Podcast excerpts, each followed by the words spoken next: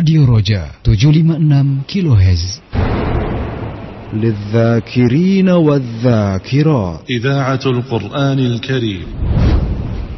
dakwah Ahlus Sunnah wal Jamaah طيبا مباركا فيه. كما يحب ربنا ويرضاه. أشهد أن لا إله إلا الله وحده لا شريك له. وأشهد أن محمدا عبده ورسوله. Wassalatu wassalamu ala rasulillah Wa ala alihi wa ashabihi wa man tabi'ahum bi ihsanin ila yaumiddin. Ya ayuhalladzina amanu taqullaha haku tuqatih Wa la tamutunna illa wa antum muslimun. I'lam rahimakumullah fa inna khairal hadithi kitabullah. وخير الهدي هدي محمد صلى الله عليه وسلم وشر الأمور محدثاتها وكل محدثة بدعة وكل بدعة ضلالة وكل ضلالة في النار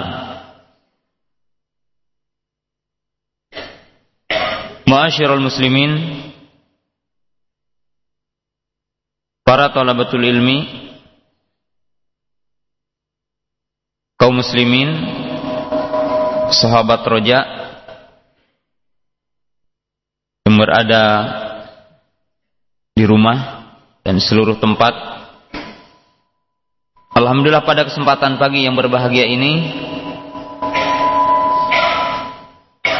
kita dapat berkumpul di majelis yang mulia ini dalam rangka kita tolabul ilmi. Pada kesempatan pagi yang berbahagia ini kita akan membahas satu masalah yang sangat agung masalah yang sangat besar. Yaitu berkaitan dengan masalah iman.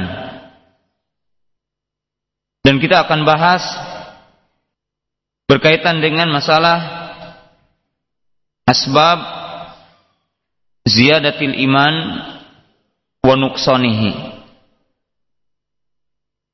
Itu sebab sebab naiknya iman dan sebab-sebab turunnya keimanan seseorang.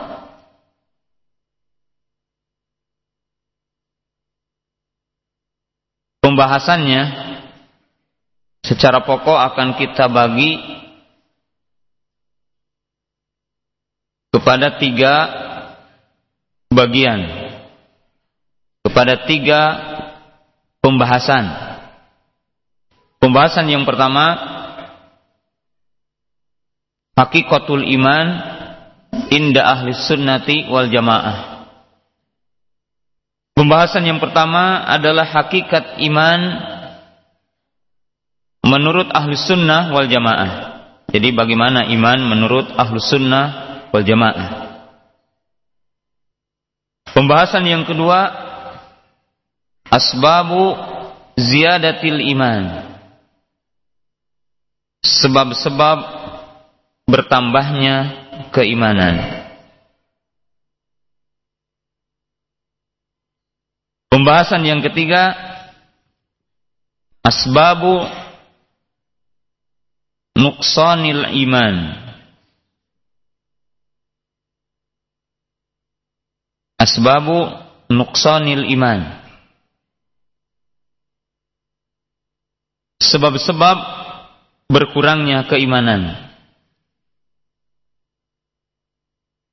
Sebelum kita menjelaskan inti pembahasan kita yaitu berkaitan dengan masalah bertambah dan berkurangnya keimanan dan sebab-sebab yang menjadikan iman kita bertambah dan sebab-sebab yang menjadikan iman kita berkurang maka terlebih dahulu kita akan bahas tentang hakikatul iman inda ahli sunnah. Yaitu hakikat iman menurut ahlu sunnah. Seseorang dikatakan ahli sunnah salah satunya apabila benar di dalam memahami masalah iman. Jadi seseorang tidak dikatakan ahlu sunnah sehingga ia benar di dalam memahami sunnah. Al-Imam Sufyan ibnu Uyainah rahimahullah taala berkata, As-sunnatu asyaratun Faman kunna fihi faqad istakmala sunnah. Wa man taraka syai'an minha faqad taraka sunnata.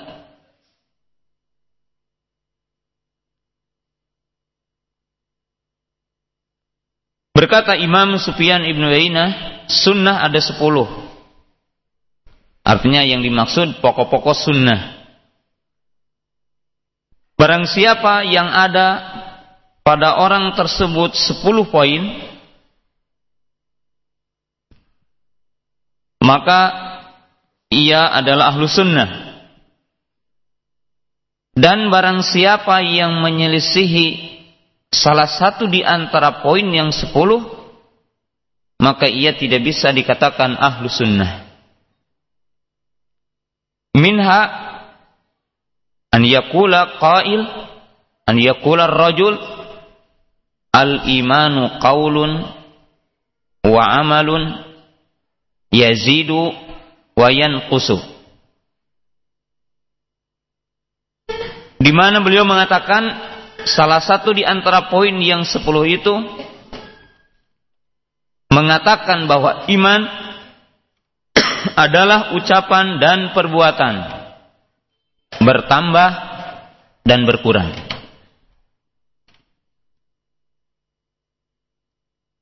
Jadi iman itu perbuatan dan ucapan bertambah dan berkurang.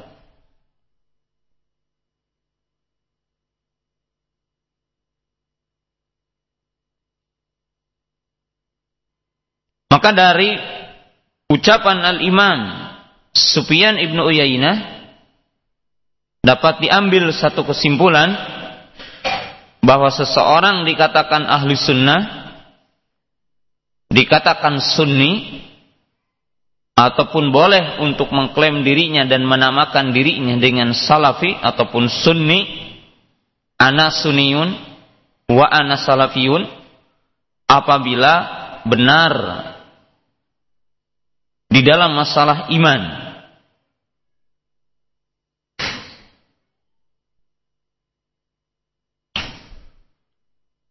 Nah, poin-poin penting berkaitan dengan masalah iman menurut ahli sunnah sebagai berikut.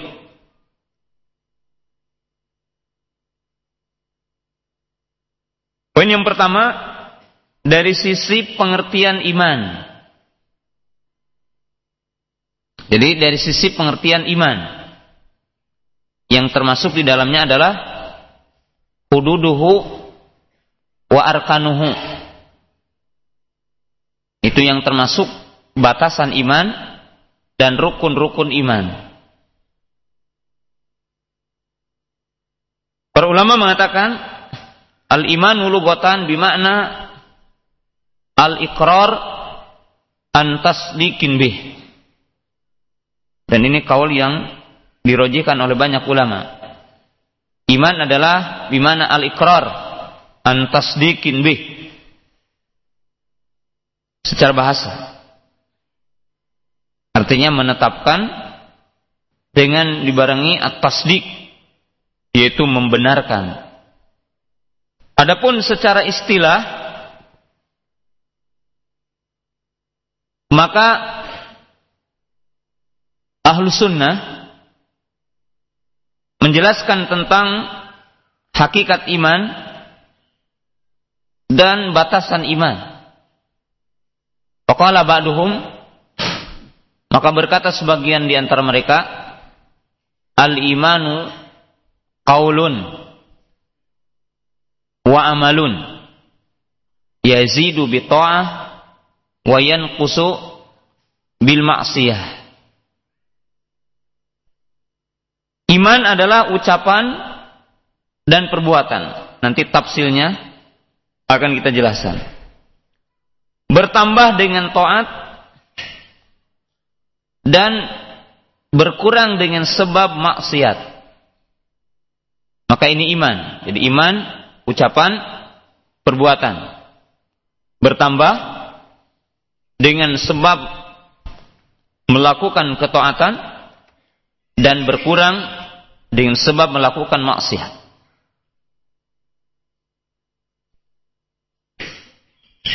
Sebagian di antara mereka mentakbirkan dengan ucapan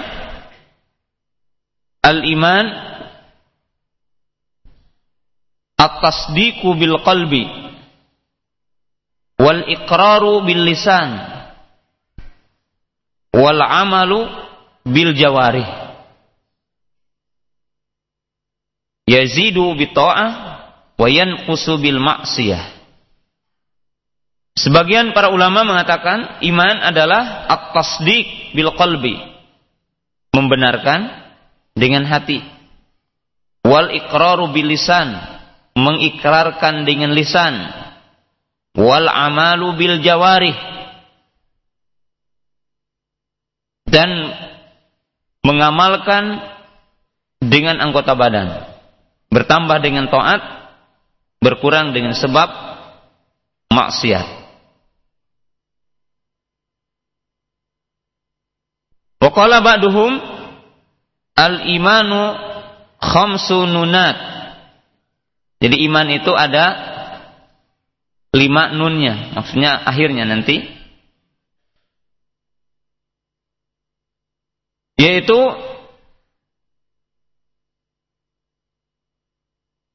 yang dikatakan oleh para ulama adalah at-tasdiqu bil jinan. Yang dimaksud bil qalbi.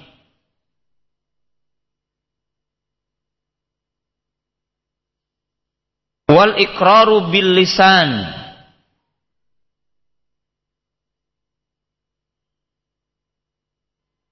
wal amalu bil arkan. Ini arkanul jawarih. Maksudnya anggota badan. Wal amalu bil arkan. Yazidu bi ta'atir rahman. Wa yanqusu bi isyanir rahman. Jadi iman itu khamsununat. Artinya iman diakhiri dengan lima nun. Yang pertama adalah at-tasdiqu bil jinan. Yaitu membenarkan dengan al-jinan, ay al-qalbu yaitu hati.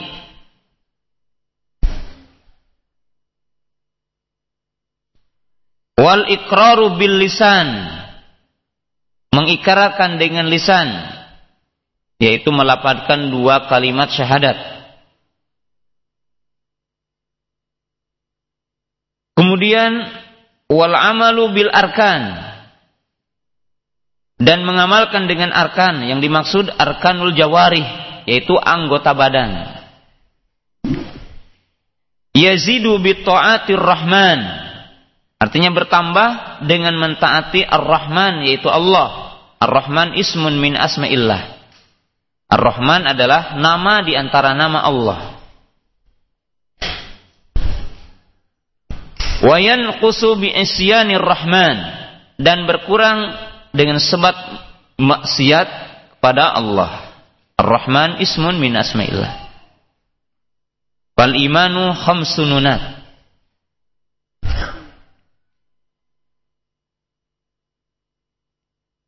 Dan tidak dikatakan iman kecuali berkumpul tiga perkara ini yaitu Al-qalbu wal lisan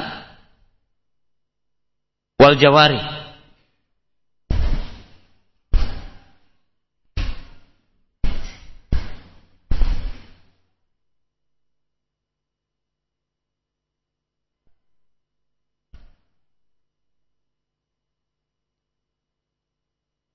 Dan kalau kita tafsil perkataan para ulama tadi, artinya kalau kita rinci perkataan para ulama tadi, mulai dari ungkapan yang paling mudah, al-imanu qaulun wa amalun.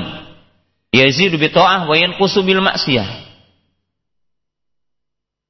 Maka bisa dikatakan al-iman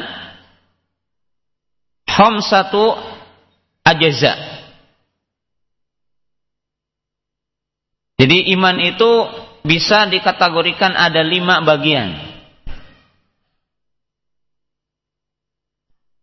Atau bisa dikatakan homsu arkan. Ini hom satu arkan, ada lima rukun. Kalau ditafsil. Kalau kita merinci dari perkataan tadi. Al-imanu qaulun wa amalun. Maka mereka mengatakan Fal qawlu qawlan. Qawlul qalbi wa qawlul lisan. Ini iman. Artinya dairatul iman, ruang lingkup iman. Fal qawlu qawlan. Qawlul qalbi wa qawlul lisan. Dan kita akan jelaskan nanti. Wal amalu salah satu ajza amalul qalbi amalul lisan amalul jawari sedangkan amal mencakup tiga amalul qalbi amalul lisan amalul jawari amal hati amal lisan dan amal anggota badan maka ini adalah iman. Indah ahli sunnah. Maka ini adalah ruang lingkup iman. Hakikat iman. Batasan iman. Menurut ahli sunnah. Kita tafsil. Fal qawlu qawlan. Maka ucapan ada dua. Qawlul qalbi wa qawlul lisan. Faqaulul qalbi at-tasdiq wal iqan ay al yakin. Adapun qaulul qalbi adalah at-tasdiq yaitu membenarkan atau meyakini al yakin.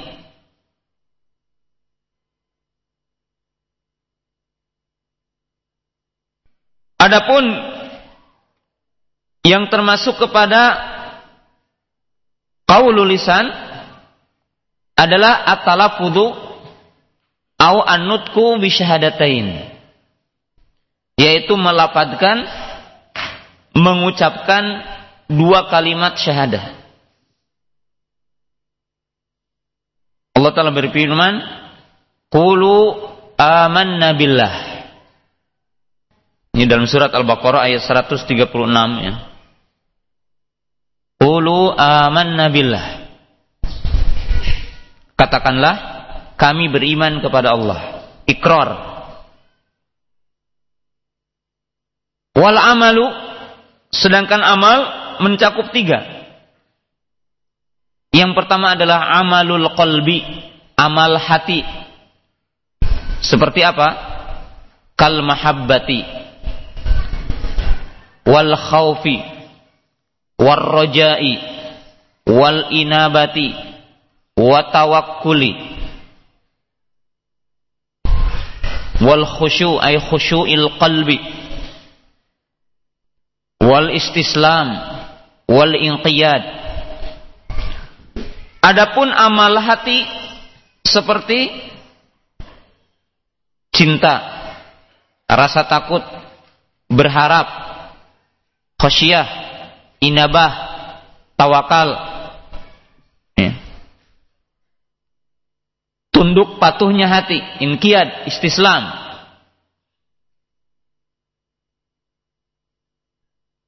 Seperti Allah Ta'ala berfirman, Innamal mu'minuna alladhina idha dzukirallahu wajilat qulubuhum.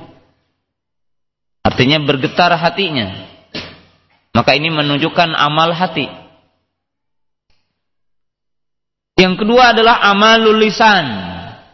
Amal lisan.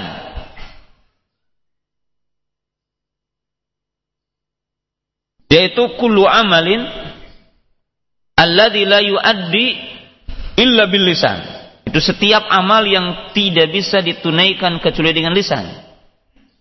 Kat tahlili, wat tasbihi, wat tahmidi, wat takbir,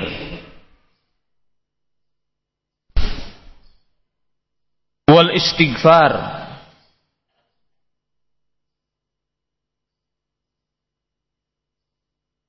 Wal inkaru bil qaul.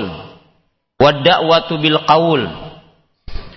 Termasuk amalisan adalah tasbih tahlil.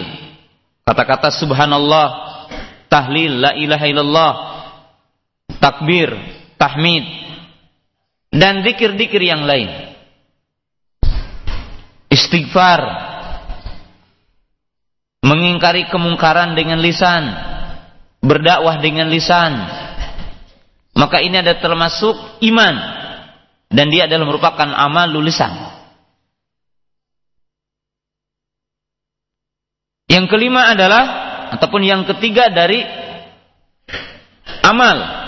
Maka dia adalah amalul jawari yakni kullu amalin alladzi la yuaddi illa bil jawarih. Itu setiap amal yang tidak bisa ditunaikan kecuali dengan anggota badan. Pas salati as-saumi was-sujud war-ruku wal jihad yakni bil badan. Seperti salat saum termasuk ruku sujud. Ya. jihad dengan anggota badan dan yang lainnya. Yang termasuk amal jawari. Yang termasuk apa? Amal jawari. Maka ini adalah semuanya iman. Fakullu man anal imana qaulun wa amalun bahwa min ahli sunnah. Maka barang siapa yang mengatakan iman ucapan dan perbuatan maka dia adalah ahlu sunnah. Dan seseorang tidak dikatakan mukmin sehingga berkumpul poin-poin yang tadi. Sehingga berkumpul poin-poin yang tadi. Berkata Imam Al-Ajuri rahimahullahu taala, qala Al-qawlu bi anna al-iman tasdiqu bil qalbi wa ikrarun bil lisan wa amalun bil jawarih wa la yakunu mu'minan illa ayastami'a fihi hadhil hisalu as-salas. Ini ketika tidak ditafsir yang tadi. Beliau mengatakan bab Perkataan bahwasanya iman membenarkan dengan hati, mengikrarkan dengan lisan dan mengamalkan dengan anggota badan. Dan tidak dikatakan beriman ataupun seorang tidak dikatakan mukmin sehingga berkumpul tiga perkara tadi atau tiga unsur yang tadi.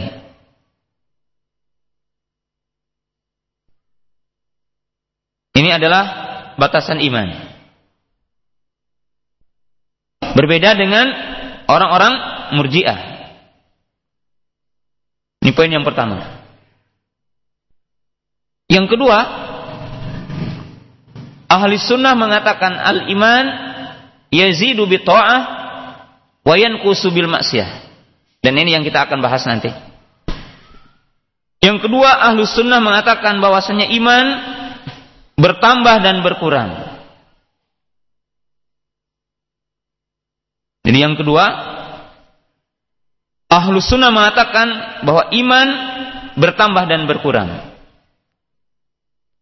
Siapa yang mengatakan iman tidak bertambah dan tidak berkurang, falisa min ahli sunnah. Maka ia adalah bukan termasuk ahlu sunnah. Mesti ia mengatakan bahwasanya iman bertambah dan berkurang. Yaitu bertambah dengan taat dan berkurang dengan sebab seseorang melakukan maksiat. Al-Imam Ibn Taimiyah rahimahullahu taala mengatakan di dalam kitab Akidah Al-Wasitiyah ketika menjelaskan tentang masalah iman ya, maka menjelaskan tentang tiga unsur yang tadi dan menjelaskan tentang bertambah dan berkurangnya iman. Ini menjelaskan bertambah dan berkurangnya apa? Iman. Ini adalah unsur yang kedua. Dan kita akan jelaskan nanti dalam pembahasan yang kedua dan ketiga. Yang ketiga, Ahlus Sunnah mengatakan al-iman lahu syu'abun wa ajza. Ahlus Sunnah mengatakan bahwa iman itu punya cabang. Jadi iman itu punya cabang. Minhu ma huwa a'la wa minhu ma huwa adna. Iman itu punya cabangnya. Dan iman itu berderajat. Ini menurut keyakinan ahlu sunnah. Kama sabata fi hadis as-sahih anna Nabiya sallallahu alaihi wasallam qala al-imanu bid'un wasituna syu'bah. A'laha kalimatu la ilaha illallah wa adnaha imatatul adha anit tariq. Wa fi riwayatin al iman bidun wasituna syu'bah wal haya'u syu'batun minal iman Nabi sallallahu alaihi wasallam mengatakan iman 69 cabang ataupun 60 sekian cabang. Paling tingginya adalah kalimat la ilaha illallah dan paling rendahnya adalah memindahkan duri dari jalan. Dalam riwayat yang lain dan malu bagian dari iman. Wal iman indah ahli sunnah syu'abun wa darajat. Menurut ahli sunnah bahwa iman itu punya cabangnya dan memiliki derajat. Ini unsur yang ketiga yang wajib diyakini oleh seorang ahlu sunnah. Poin yang keempat, wa anna ahlal imani dudarojat.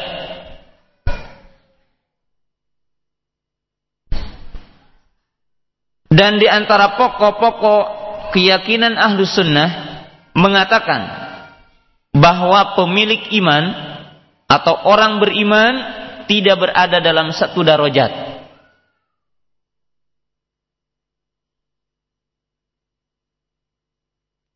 Tetapi orang-orang beriman adalah berbeda-beda derajatnya. Dan tentunya perbedaan derajat masalah iman sejauh mana melakukan ketaatan dan sejauh mana ia meninggalkan apa yang dilarang Allah Ta'ala.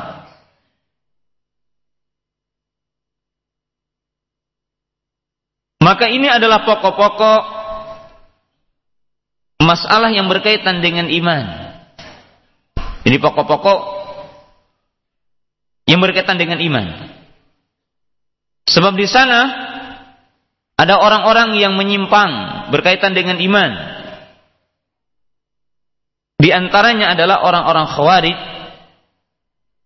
Mereka yang mengatakan al-imanu qaulun wa amalun. Lakin al-iman la, ya, la yazidu wa la yankusu. Wal imanu laisa lahu syu'abun. Al-imanu syai'un wahidun la yataja'za'u wa la yataba'ad. Idza dhahaba ba'duhu dhahaba kulluhu. Di mana orang-orang khawarij mengatakan iman ucapan dan perbuatan. tetapi menyimpang dari sisi mereka mengatakan iman tidak bertambah dan tidak berkurang. Iman tidak boleh berkurang. Sehingga mereka mengatakan faida naqasa faqad kafar. Apabila berkurang maka telah kafir. Mereka mengatakan al-iman syai'un wahid. Iman itu satu. La yataja'za'u wa la.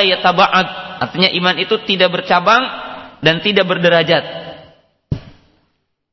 Sehingga mereka mengatakan idza dhahaba ba'duhu dhahaba. Apabila iman itu hilang sebagiannya maka hilang semuanya. Fasahibu dzanbin kafirun indal khawarij maka pelaku dosa menurut orang-orang khawarij adalah kafir.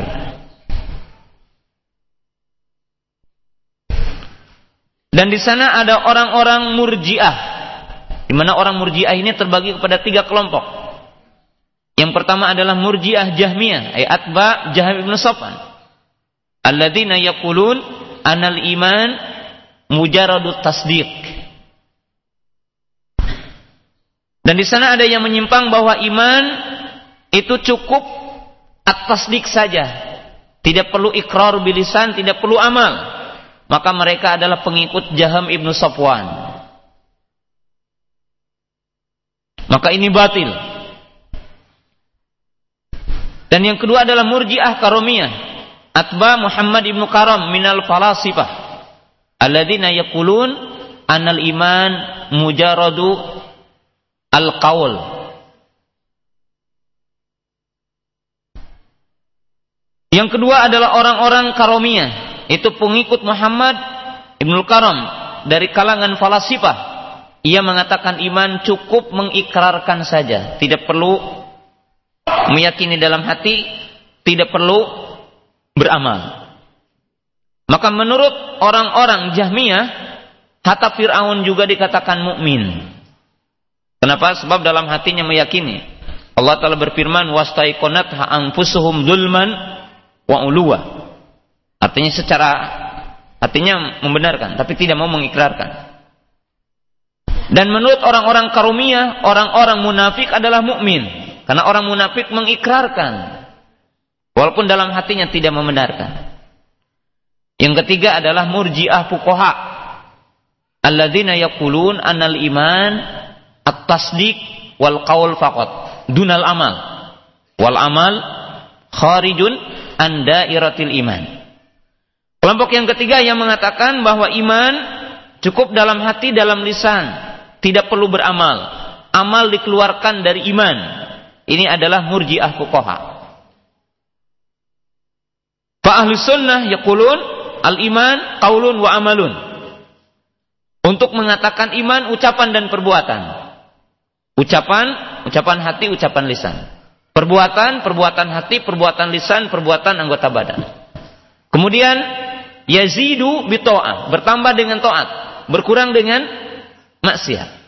Yang ketiga lahu syu'abun wadarojat. Iman itu punya cabang dan berderajat. Dan pemilik iman pun memiliki darajat.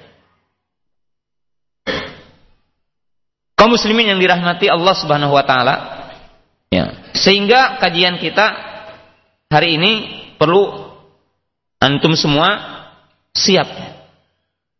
Kenapa? Karena seluruh permasalahan ini semuanya memerlukan kesiapan. Ya. Perhatian tidak boleh tertinggal karena setiap masalah masalah penting. Dan setiap masalah adalah ilmiah, berkaitan dengan dalil, argumentasi dan perkataan para ulama. Ini adalah poin yang pertama tentang masalah apa? Iman. Nah, sekarang kita akan membahas bagian dari masalah ini bahwa keyakinan ahlu sunnah iman itu adalah bertambah dan iman itu adalah berkurang. Dan ini berkaitan dengan masalah bahwa ibadah itu dibangun di atas tiga sendi. Al-mahabbatu wal khawfu wal roja. Seorang mukmin, seorang muslim Al-abid, seorang hamba yang ia menghambakan diri kepada Allah Ta'ala, yang ia bertakoruk kepada Allah Ta'ala, maka dalam menjalankan ketaatan kepada Allah Ta'ala, dalam menjalankan keimanan kepada Allah Ta'ala, mesti dibangun di atas tiga sendi. Rasa cinta, rasa takut, rasa pengharapan.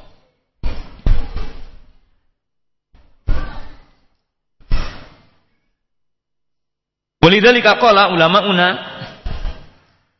al-abdul mu'min katoir. Ra'suhu al-mahabbah wa janahaihi al-khawf war raja. Seorang hamba yang beriman itu bagaikan burung. Artinya burung itu bisa pergi terbang ke mana-mana apabila ada tiga unsurnya. Kepalanya, dan kedua sayapnya. Maka dengan kedua sayapnya dia bisa mencari apa yang dia inginkan. Dan dia bisa terbang ke arah mana yang dia inginkan. Maksudnya apa?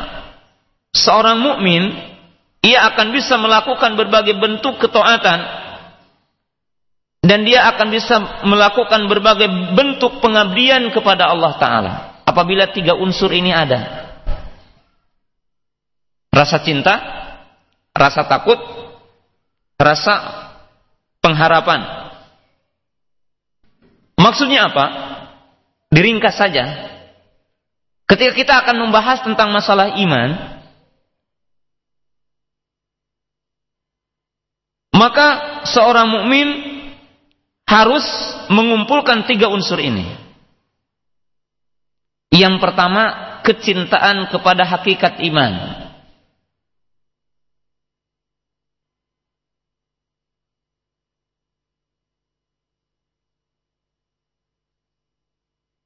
Karena kenikmatan yang paling besar yang wajib kita mencintainya dan merasa takut ketika kita tidak mendapatkannya adalah ladzatul iman yaitu manisnya iman.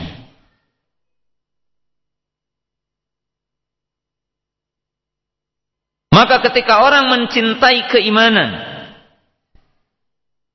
dan diberikan anugerah kecintaan kepada keimanan. Maka ia akan menempuh berbagai jalan untuk mendapatkannya. Dan dia akan merasa tumanina dan bersabar dan tangguh untuk menghadapi setiap perkara untuk mendapatkan keimanan itu dan untuk mempertahankan keimanannya. Maka ini adalah unsur yang pertama Unsur yang kedua, di mana seseorang yang menginginkan keimanan, maka ia mesti mencari wasilah dan menempuh wasilah. Setiap perkara yang bisa menjaga keimanannya dan bisa menguatkan keimanannya dan bisa membangkitkan keimanannya dan bisa menambah keimanannya. Ini yang dimaksud juz'un minar roja. Inilah yang dimaksud dengan bagian daripada roja. Karena orang yang berharap ada keimanan di dalam hatinya. Orang yang menginginkan keimanan berada dalam hatinya dan teguh di dalam hatinya. Maka tidak dikatakan pengharapan yang benar apabila seseorang tidak menempuh jalannya. Sebab pengharapan yang benar kata seorang syair berkata, Tarjun najata walam tasluk masalikaha, fa inna sapinata la tajri al yabisi. Karena seorang syair mengatakan, kamu berharap kebahagiaan, namun saya engkau tidak menempuh jalannya. Ketahuilah, bahtera tidak berda, apa berlayar di daratan. Artinya setiap orang yang mengharapkan sesuatu maka mesti ia menempuh wasilahnya. Menempuh sebab-sebabnya. Dan ini adalah hakikatul roja. Kemudian unsur yang ketiga. Bahwa setiap orang yang berharap kepada sesuatu. Yang menginginkan sesuatu. Maka mesti dia menghindari setiap perkara. yang akan mencacati, yang akan mengurangi, yang akan menghalangi setiap apa yang dia inginkan. Maka ini adalah dinamakan juz'un minal khauf. Maka ini adalah bagian dari rasa takut. Orang yang pingin keimanannya di dalam hati teguh, tangguh. Dan kokoh keimanan dan bertambah keimanannya. Dan tidak ingin berkurang keimanannya. Maka ia akan menghindari, menjauhi setiap perkara yang akan mencaci keimanannya. Rasa takut, imannya berkurang. Rasa takut, imannya berubah. Maka ketika orang ini menempuh pengabdian diri kepada Allah Ta'ala. Takorub kepada Allah Ta'ala dengan mengumpulkan tiga unsur yang tadi. Maka ia akan sampai kepada derajat yang tinggi. Undur ila hadal hadisil azim. Lihatlah kepada hadis yang mulia ini. Anna Nabiya sallallahu alaihi wasallam qala. Hadis Anas bin Malik diberayatkan oleh Imam Bukhari dan yang lainnya. Qala Salasun man kunna fihi wajada bihinna halawatal iman. An yakuna Allah wa rasuluhu ahabba ilahi mimma siwahuma. Wa yuhibbal mar'a la yuhibbuhu illa lillah. Wa an yakraha an ya'uda ilal kufri kama yakrahu ayukdafa finnar. Cermatilah kepada hadis ini dan ini sebagai pembuka pembahasan kita hari ini. Nabi Shallallahu Alaihi Wasallam mengatakan salasun tiga perkara. Apabila ada pada seseorang, maka dengan tiga perkara ini ia akan mendapatkan manisnya iman, tumaninahnya iman, lezatnya iman. Maka Nabi Shallallahu Alaihi Wasallam mengatakan yang pertama, ia mencintai Allah dan Rasulnya melebihi dari kecintaan kepada selain Allah dan Rasulnya. Yang kedua, ia tidak mencintai saudaranya kecuali karena Allah. Yang ketiga, dia merasa takut kembali kepada kekufuran sebagaimana ia takut dilemparkan kepada api. Lihatlah hadis ini. Ada beberapa unsur berkaitan dengan iman. Hadis yang mulia ini menggambarkan anal imana ibaratun an fi'lil wajibat wa tarkil manhiyat. Anal imana ibaratun an babit tahalli wa babit takhalli. Para ulama mengatakan iman atau hadis ini menjelaskan bahwa hakikat iman gambaran dari melaksanakan perintah dan gambaran dari meninggalkan larangan. Yang mana keimanan ini akan sempurna dari sejauh mana kita melaksanakan perintah dan dari sejauh mana kita meninggalkan larangan. Dan iman ini akan berkurang sejauh mana kita meninggalkan perintah dan sejauh mana kita melakukan larangan Allah taala. Dan ini kita akan bahas tentang masalah ziyadatul iman ini. Maka ini adalah ibarah tentang iman. Karena pada poin yang pertama, Nabi SAW mengatakan, mencintai Allah dan Rasulnya melebihi dari citaan pada yang lainnya. Maka ini adalah bab melaksanakan kewajiban. Dan iman itu adalah gambaran dari meninggalkan apa yang dilarang Allah Ta'ala. Karena Nabi SAW mengatakan, Wa an yakroha ayyauda ilal kufri kama yakrohu ayyukda finar. Dan para ulama mengatakan iman adalah ibaratun anit tahalli wa tahalli. Apa yang dimaksud dengan at-tahalli? Yang dimaksud di sini adalah seseorang menghiasi diri dengan bentuk-bentuk apa? Keimanan, ketaatan, sunnah, jihad, amar ma'ruf dan seterusnya. Maka ini adalah babi tahalli. Sesuatu yang mesti ada. Sesuatu yang mesti berada dalam jiwa kita. Adapun babu taholli sesuatu yang mesti tidak ada. Artinya orang menanggalkan. Menjauhkan diri. Dari apa? Al-kufru, wasyirku, wal maksiat, wal bidah. Dan yang lainnya. Seperti kufur, kesyirikan, bid'ah, dan yang lainnya. Maka ini adalah hadis. Kemudian hadis yang mulia ini mengisyaratkan kepada kita tentang bahwa iman bertambah dan berkurang. Dan bertambahnya keimanan dan berkurangnya keimanan maka itu digambarkan juga dalam hadis ini. Yang kesimpulannya secara global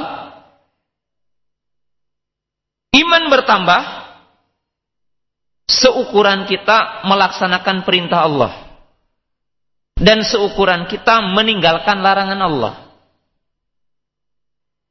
Barang siapa yang menyempurnakan ketaatan-ketaatan, barang siapa yang menyempurnakan perintah-perintah Allah, zada imanuhu, zada imahu, wazdada imanuhu, maka akan bertambah, bertambah, bertambah keimanannya. Dan sejauh mana dia itu meninggalkan larangan-larangan Allah dan sabar dalam meninggalkannya, maka akan bertambah keimanannya. Sebaliknya, sejauh mana ia meninggalkan larangan Allah, maka akan berkurang dikala itu keimanannya. Maka akan berkurang dikala itu adalah keimanannya. Bukankah kita melihat dalil-dalil yang banyak? Setiap orang itu meninggalkan bentuk perintah, maka akan berkurang keimanan orang itu. Dan sejauh mana orang itu melanggar apa yang dilarang oleh Allah Ta'ala, maka akan bertambah keimanannya. Maka Nabi SAW mengatakan, tidak berzina seorang mukmin. Artinya apa? Tidak sempurna keimanan seorang mukmin ketika dia berzina dan maksiat-maksiat yang lainnya. Maka ini adalah gambaran dari hadis yang mulia itu. Nah, kemudian yang selanjutnya, setelah kita memahami tentang makna iman menurut ahlu sunnah, kemudian gambaran dari Nabi Shallallahu Alaihi Wasallam bahwa ibadah dibangun di atas tiga sendi, rasa cinta, rasa takut, rasa pengharapan. Maka ihwati iman yang dirahmati Allah Subhanahu wa taala seseorang mukmin insya Allah mengharapkan imannya bertambah dan dia tidak mengharapkan imannya berkurang tetapi pengharapan ini tidak cukup kalau tidak dibarengi dengan ilmu dan amal maka kita wajib untuk mengetahui apa sebab-sebab bertambahnya keimanan. Sehingga kita akan mencari dan mengamalkan sebab-sebab ini. Dan apa saja yang bisa menjadikan sebab berkurangnya keimanan kita. Sehingga kita mampu meninggalkannya, menghindari sebab-sebab tersebut kaum muslimin yang dirahmati Allah Subhanahu wa taala. Sebab orang yang dianugerahi oleh Allah taala lezatnya iman. Tumananya iman, maka ia akan mendapatkan nikmat dunia dan nikmat akhirat. Tetapi sebagaimana saya tadi menjelaskan bahwa segala sesuatu sesungguhnya adalah berkaitan dengan ilmu. Segala sesuatu adalah berkaitan dengan apa yang kita ketahui, apa yang wajib kita ketahui. Maka dengan itu kita akan bahas sebab-sebab bertambahnya iman dan sebab-sebab berkurangnya iman. Kaum muslimin, para talabatul ilmi yang dirahmati Allah Subhanahu wa taala. Sebab-sebab bertambahnya iman adalah banyak. Tetapi kita akan membahas pokok-pokoknya. Sebab yang pertama dan sebab yang utama adalah al-hirsu wal ijtihadu fi talabil ilmi nafi. Sebab yang pertama adalah bersungguh-sungguh bersemangat di dalam mencari ilmu yang bermanfaat.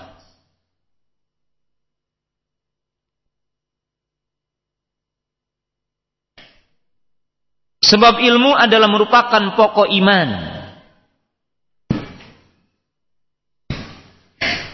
Sebab ilmu adalah merupakan landasan tauhid. Keimanan tanpa ilmu tidak sah. Tauhid tanpa ilmu adalah tidak sah. Faqad qala Allah Ta'ala illa man syahida bil haqqi wa hum ya'lamun. Wa qad qala Allah Ta'ala fa'lam annahu la ilaha illa ana fa'budun.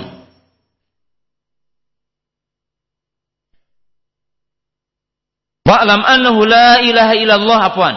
Wastaghfir lidzanbik. Ayatnya tadi salah ya. Fa'lam annahu la ilaha illallah wastaghfir lidzanbik. Dua ayat ini menjelaskan bahwa iman, tauhid tidak sah kecuali dengan iman. Kecuali dengan apa? Ilmu. Ketahuilah bahwasanya tidak ada yang berhak disembah kecuali Allah. Faqala Imam Bukhari, babul ilmi qabla al-qawli wal amal. Bab ilmu sebelum berkata dan sebelum beramal. Adapun ilmu atau mencari ilmu adalah merupakan sebab utama bertambahnya keimanan seseorang. Maka ini bisa dilihat dari beberapa dalil. Dalil yang pertama ada dalam surat Al-Mujadilah ayat 11. Allah telah berfirman, yarfa'illahu alladhina amanu minkum walladhina utul ilma darajat Allah telah mengangkat derajat orang-orang yang beriman di antara kamu dan orang-orang yang berilmu dengan beberapa derajat.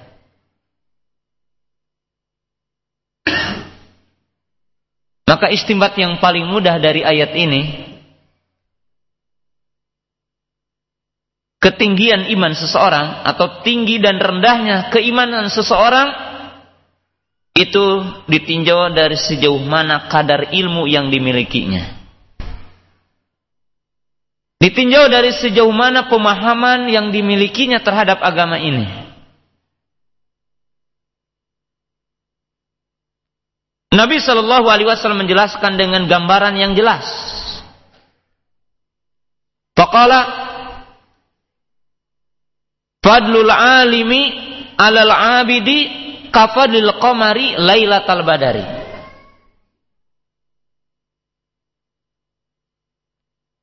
Keutamaan orang yang berilmu dengan ahli ibadah maksudnya orang-orang yang melakukan ibadah mustahabat, ibadah tatawuan, ibadah yang sunnah, bukan wajib. Dengan orang yang berilmu itu adalah bagaikan bulan purnama dengan bintang yang ada.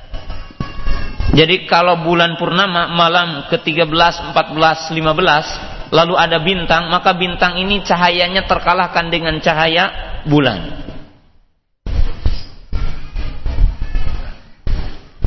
Di sini menunjukkan bahwa tingkat keimanan itu akan berbeda antara orang yang diberikan anugerah ilmu dengan orang yang tidak memiliki ilmu.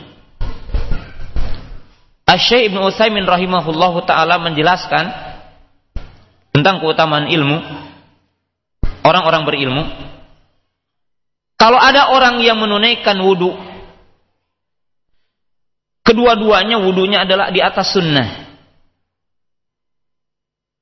Tetapi di antara kedua orang yang berwudhu ini berbeda. Yang satu dia mengatakan kenapa kamu berwudhu seperti ini? Membaca bismillah, mencuci kedua telapak tangan, berkumur-kumur mengisap air ke hidung dengan tangan kanan, kemudian dengan tangan kiri mengeluarkannya, mencuci wajah dengan sunnah, mengusap kepala dengan sunnah, mencuci kaki sesuai dengan sunnah. Tetapi ketika ia ditanya, bagaimana kamu melaksanakan ini? Saya dengar dari Ustadz pulang, wudhu ini seperti ini. Dalilnya kamu tahu, saya tidak hafal dalilnya. Cuma saya dengar pelajaran dari orang yang dikenal keilmuannya seperti ini. Maka dia adalah taklid. Orang yang kedua, ketika ia itu mengatakan wudhu seperti ini, lalu dia mengeluarkan dalilnya.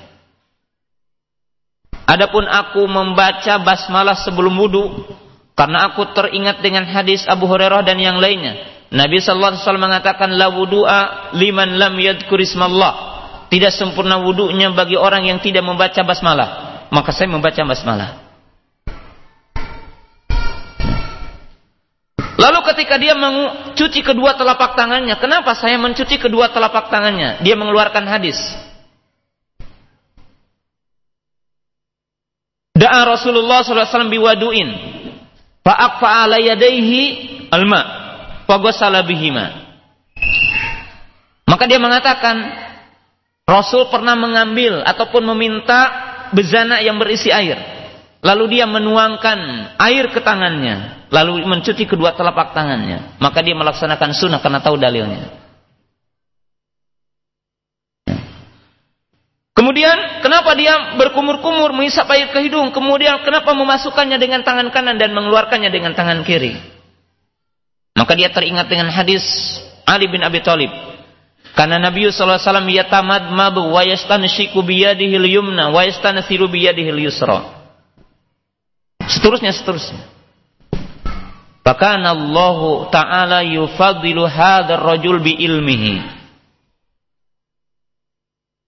Maka Allah Ta'ala mengutamakan dan mengangkat derajat orang ini dengan sebab ilmunya. Sebab ketika yang tadi dia tidak beristimbat. Nah, tetapi orang ini adalah dengan beristimbat. Walidzalika qala al-Imam Syafi'i rahimahullahu taala at-tafakkuru sa'ah khairun min mi'ati rakaat. Maka Imam Syafi'i rahimahullahu taala menjelaskan tafakur sesaat tentang ayat-ayat Allah dan hadis-hadis Nabi Sallallahu alaihi wasallam lebih abdol ketimbang 100 rakaat. Maka iman orang yang berilmu derajatnya adalah tinggi. Kenapa? Sebab dari sisi pengaruhnya pun berbeda. Orang yang berilmu setelah ia wafat, setelah ia meninggal, maka kebaikannya akan mengalir dari orang-orang yang mengikutinya. Berbeda dengan orang yang beramal sendirian. Maka ini sisi orang berilmu dan ilmu ini akan mengangkat derajat keimanan. Dalil yang kedua. Allah telah berfirman, "Innama yahsyallaha min ibadihil ulama." Hanyalah orang yang takut kepada Allah adalah para ulama, orang-orang alim. Nah, kita akan bahas di sini apa sisi-sisi ilmu yang itu bisa menaikkan keimanan. Apa sisi-sisi ilmu yang dengannya bisa mengangkat keimanan kita? Karena Allah Ta'ala berfirman, Inna ma yahsyallaha min ibadihil ulama.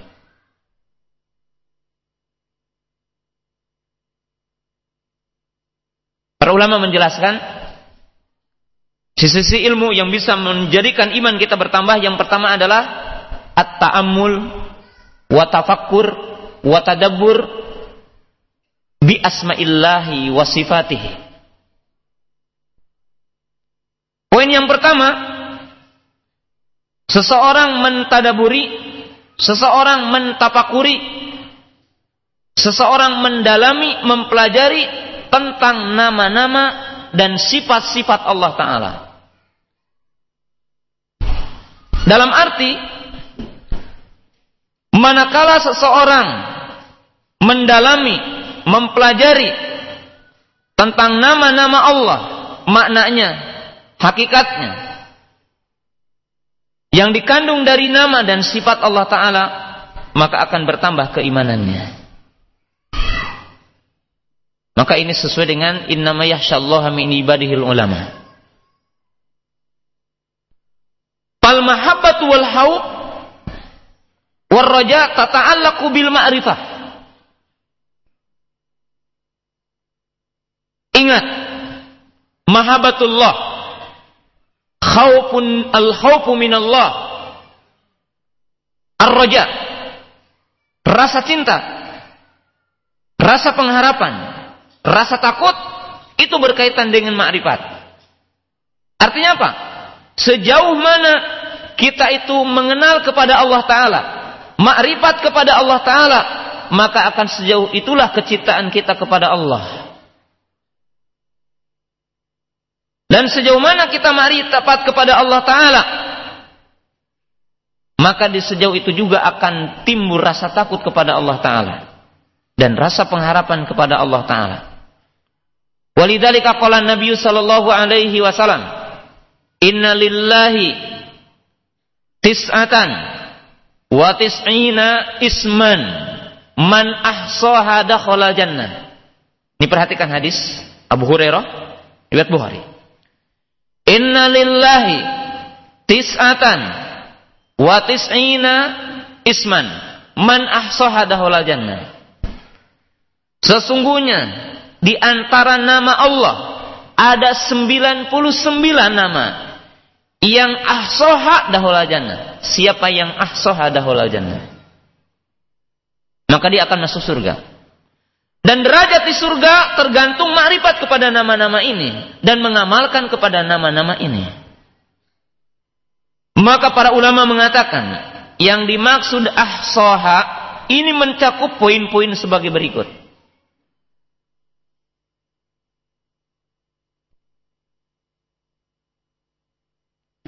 Yang pertama adalah mempelajari nama-nama Allah. Mempelajari sifat-sifat Allah. Mempelajari dalil-dalilnya, mengetahui dalil-dalilnya, maka ini keutamaan. Yang kedua adalah hibduha, menghafal nama-nama Allah, menghafal sifat-sifat Allah.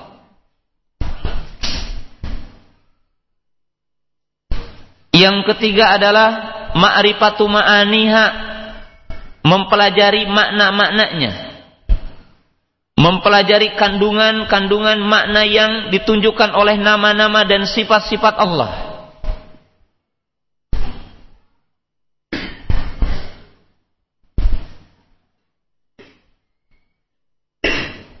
Yang keempat adalah adua ubiha di mana kita berdoa dengan menggunakan dan menyebut nama-nama Allah Dan yang kelima, yang ini adalah akan menunjukkan hakikat iman dengan berkumpul. Lima poin ini adalah al-amalu. Beramal dengan tuntutan dan makna dari hakikat nama dan sifat Allah Subhanahu wa taala.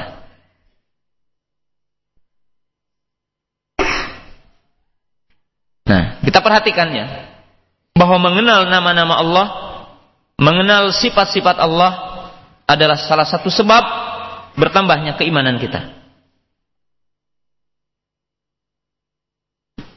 Ikhwatu iman yang dirahmati Allah Subhanahu wa taala. Ya. Perhatikan. Ya. Dari hadis Abu Hurairah yang tadi kita pahami bagaimana mengenal nama-nama Allah akan menambah keimanan kita. Seorang mukmin katakanlah mengenal tiga sifat. Yang pertama adalah tentang sifat rahmah. Dengan nama Ar-Rahman.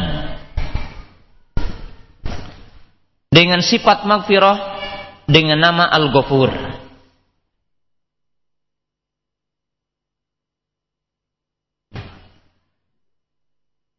Coba kita perhatikan dua nama dan dua sifat ini. Bismillahirrahmanirrahim. Alhamdulillahi Rabbil Alamin Ar-Rahmanir Bahwa Allah Ta'ala memiliki sifat rahmah. Memiliki nama Ar-Rahman. Lalu kita mentadaburi Lalu kita mencermati, menelaah bahwa rahmat Allah rahmatul wasi'ah. Rahmat yang sangat luas. Dan Allah telah menyatakan sebagaimana Nabi sallallahu alaihi wasallam menyatakan wa rahmati sabaqat ghadabi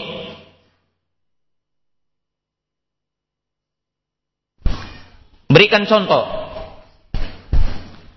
di antara rahmat Allah, kasih sayang Allah, bahwa apabila seorang yang kafir masuk Islam, maka setiap kebaikan yang ia lakukan ketika di masa kekafiran akan ditulis setelah dia masuk Islam. Tetapi setiap keburukan yang dia lakukan di zaman kekafirannya setelah masuk Islam maka dihapus oleh Allah Ta'ala. Maka ini rahmat Allah. Maka ini akan menambah rasa cinta dan akan menambah rasa roja, pengharapan kepada Allah Taala. Kenapa? Durrahmah.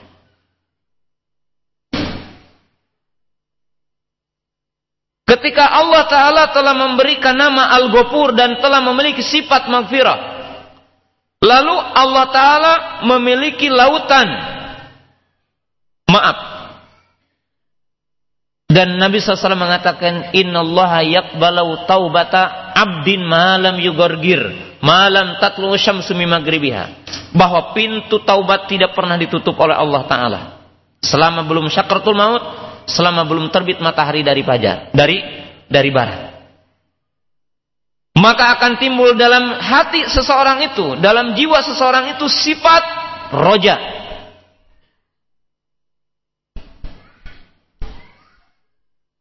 Kemudian akan semakin tumanina dan semakin teguh keimanannya. Kenapa? Dia memahami akan rahmat dan maghfirah Allah Ta'ala. Pelajari nama yang lain. As-Sami, Al-Basir, Al-Alim. Tiga nama dan tiga sifat yang maha sempurna. Al-Alim menetapkan sifat ilmu Al-Kamil. Al-Muhit bikuli syait Nama Al-Alim menetapkan sifat ilmu, ilmu yang meliputi segala sesuatu. Asiru wal jahru, meliputi kepada yang tersembunyi yang jahar. Al-batinu wa bahir, yang tersembunyi yang bahir. Kemudian As-Sami menetapkan sifat Asamu mendengar dan pendengaran Allah taala meliputi segala sesuatu. Al-Basir Allah taala melihat dan penglihatan Allah taala meliputi segala sesuatu. Lalu apa?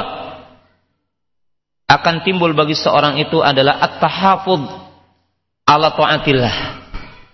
At-tahafud antarki indat antarki maksiatillah. Seseorang itu dengan mengetahui Allah Maha mendengar, Allah Maha melihat, Allah Maha mengetahui, maka ia akan menjaga setiap bentuk ketaatannya. Dia akan menjaga dalam rangka menjauhi larangan-larangan Allah Ta'ala. Kenapa?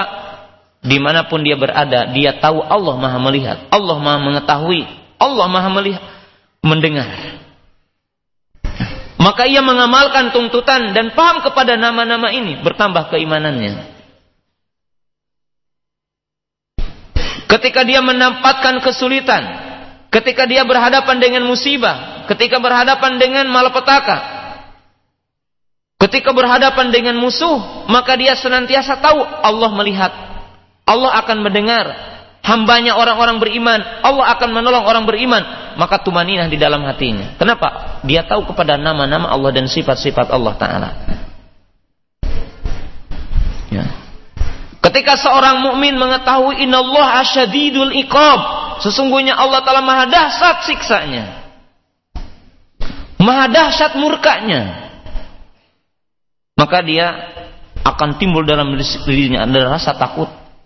Kenapa? Sebab tahu kepada nama dan sifat-sifat Allah Ta'ala. Maka Allah telah mengatakan ini nama yahsyallah min ibadihil ulama. Khasyah. Bima'rifati.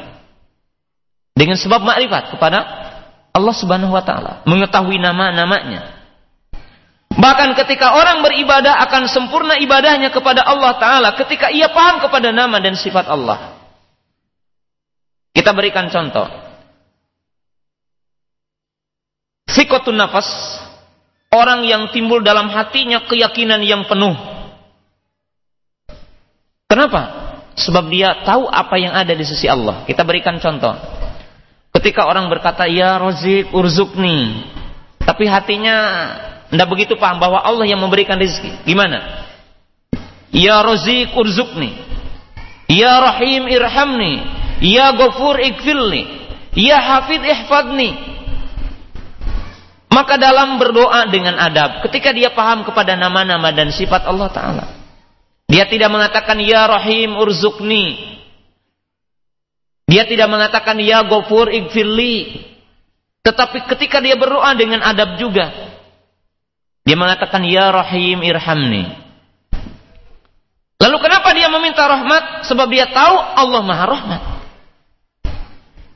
Bahkan kenapa orang-orang yang meminta ke kuburan, orang-orang yang mendatangi ke uh, kuburan lalu meminta kepada penghuni kubur sebab dia tidak paham bahwa Allah taala adalah Ar-Razik Al-Mutlaq. Bahwa Allah adalah pemberi rizki yang mutlak. Maka dia meminta kepada selain Allah taala. Dia tidak paham kepada nama-nama dan sifat Allah taala. Dan ketika memintanya yang dinamakan sikotun nafas, orang itu yakin penuh. Seberikan contoh. Orang yang melakukan maksiat umpamanya, katakanlah sering saya ditanya, orang yang tadinya berada dalam lingkup yang terlarang. Katakanlah dia bekerja dalam sebuah instansi yang berkaitan dengan riba. Maka terkadang sejauh mana dia keyakinan bahwa Allah Taala akan memberikan rizki kepadanya dan Allah Taala akan memberikan jalan keluar bagi orang-orang yang bertakwa Makhraja. Maka sejauh itulah akan terdapat tumaninah di dalam hatinya. Kenapa dia keluar tumaninah? Kenapa dia keluar itu dengan tumaninah? Sebab keyakinan yang penuh kepada Allah Ta'ala. Makrifat yang sempurna. Kita berikan contoh. Kenapa Abu Bakar As-Siddiq? Ketika waktu itu ia mengimpakan seluruh hartanya. Karena keyakinan yang penuh bahwa Allah akan menggantinya. Sebab ia yakin harta tidak berkurang dengan sebab sodakoh. Makrifat. Ya. Yang tinggi kepada nama-nama dan sifat-sifat Allah subhanahu wa ta'ala. Yang kedua adalah at-ta'ammul bimahasini dinil Islam.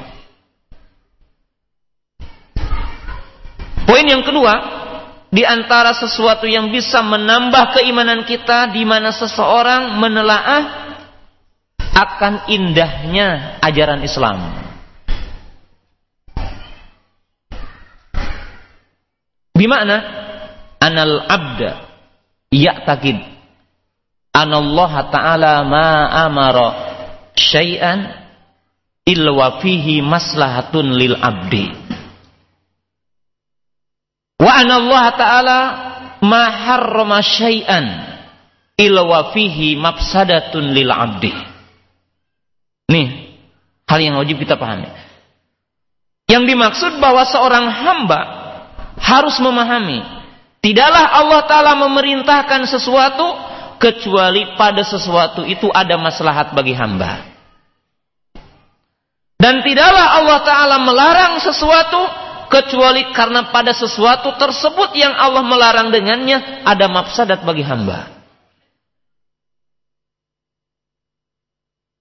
Nah, maka ketika orang melaksanakan perintah-perintah Allah, ketika seseorang meninggalkan larangan-larangan Allah, maka akan terjadi tumaninah, laddah, itmi'nan, laddatul qalbi, kelezatan, ketumaninahan hati ketika dia melaksanakan perintah dan menjauhi larangan Allah Ta'ala.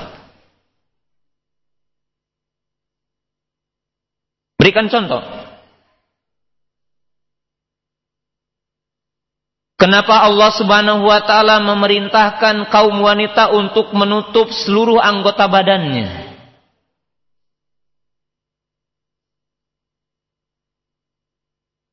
Waqarna fi buyutikunna Ketika Allah Ta'ala berfirman, Ndalah kalian berdiam nah, di rumah-rumah kalian. Dan janganlah kalian tabarud seperti tabarudnya orang-orang jahiliyah. Karena pakaian wanita ada dua. Pakaian yang pertama adalah pakaian yang dinamakan dengan baituha yaitu rumahnya.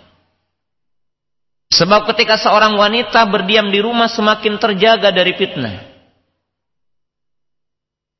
Yang kedua adalah yang dimaksud dengan pakaiannya adalah libasuha, yaitu kainnya, pakaiannya yang menutup anggota badannya. Kenapa Allah Ta'ala membedakan kaum laki-laki dengan perempuan? Ternyata sebab Allah Ta'ala telah menjadikan fitrah.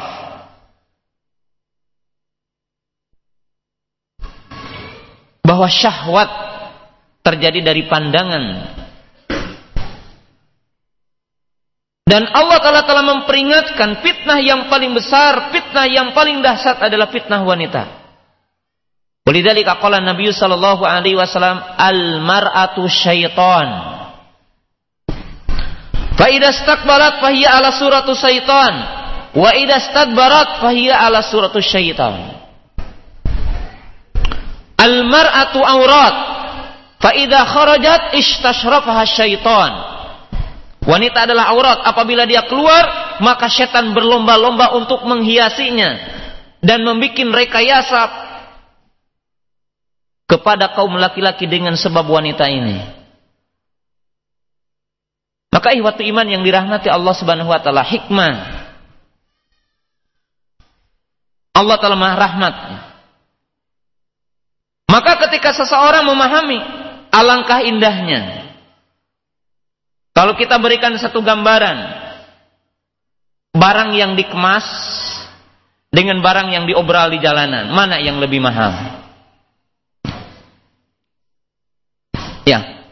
Wanita sekarang yang menganggap dirinya adalah maju sesungguhnya mereka tahta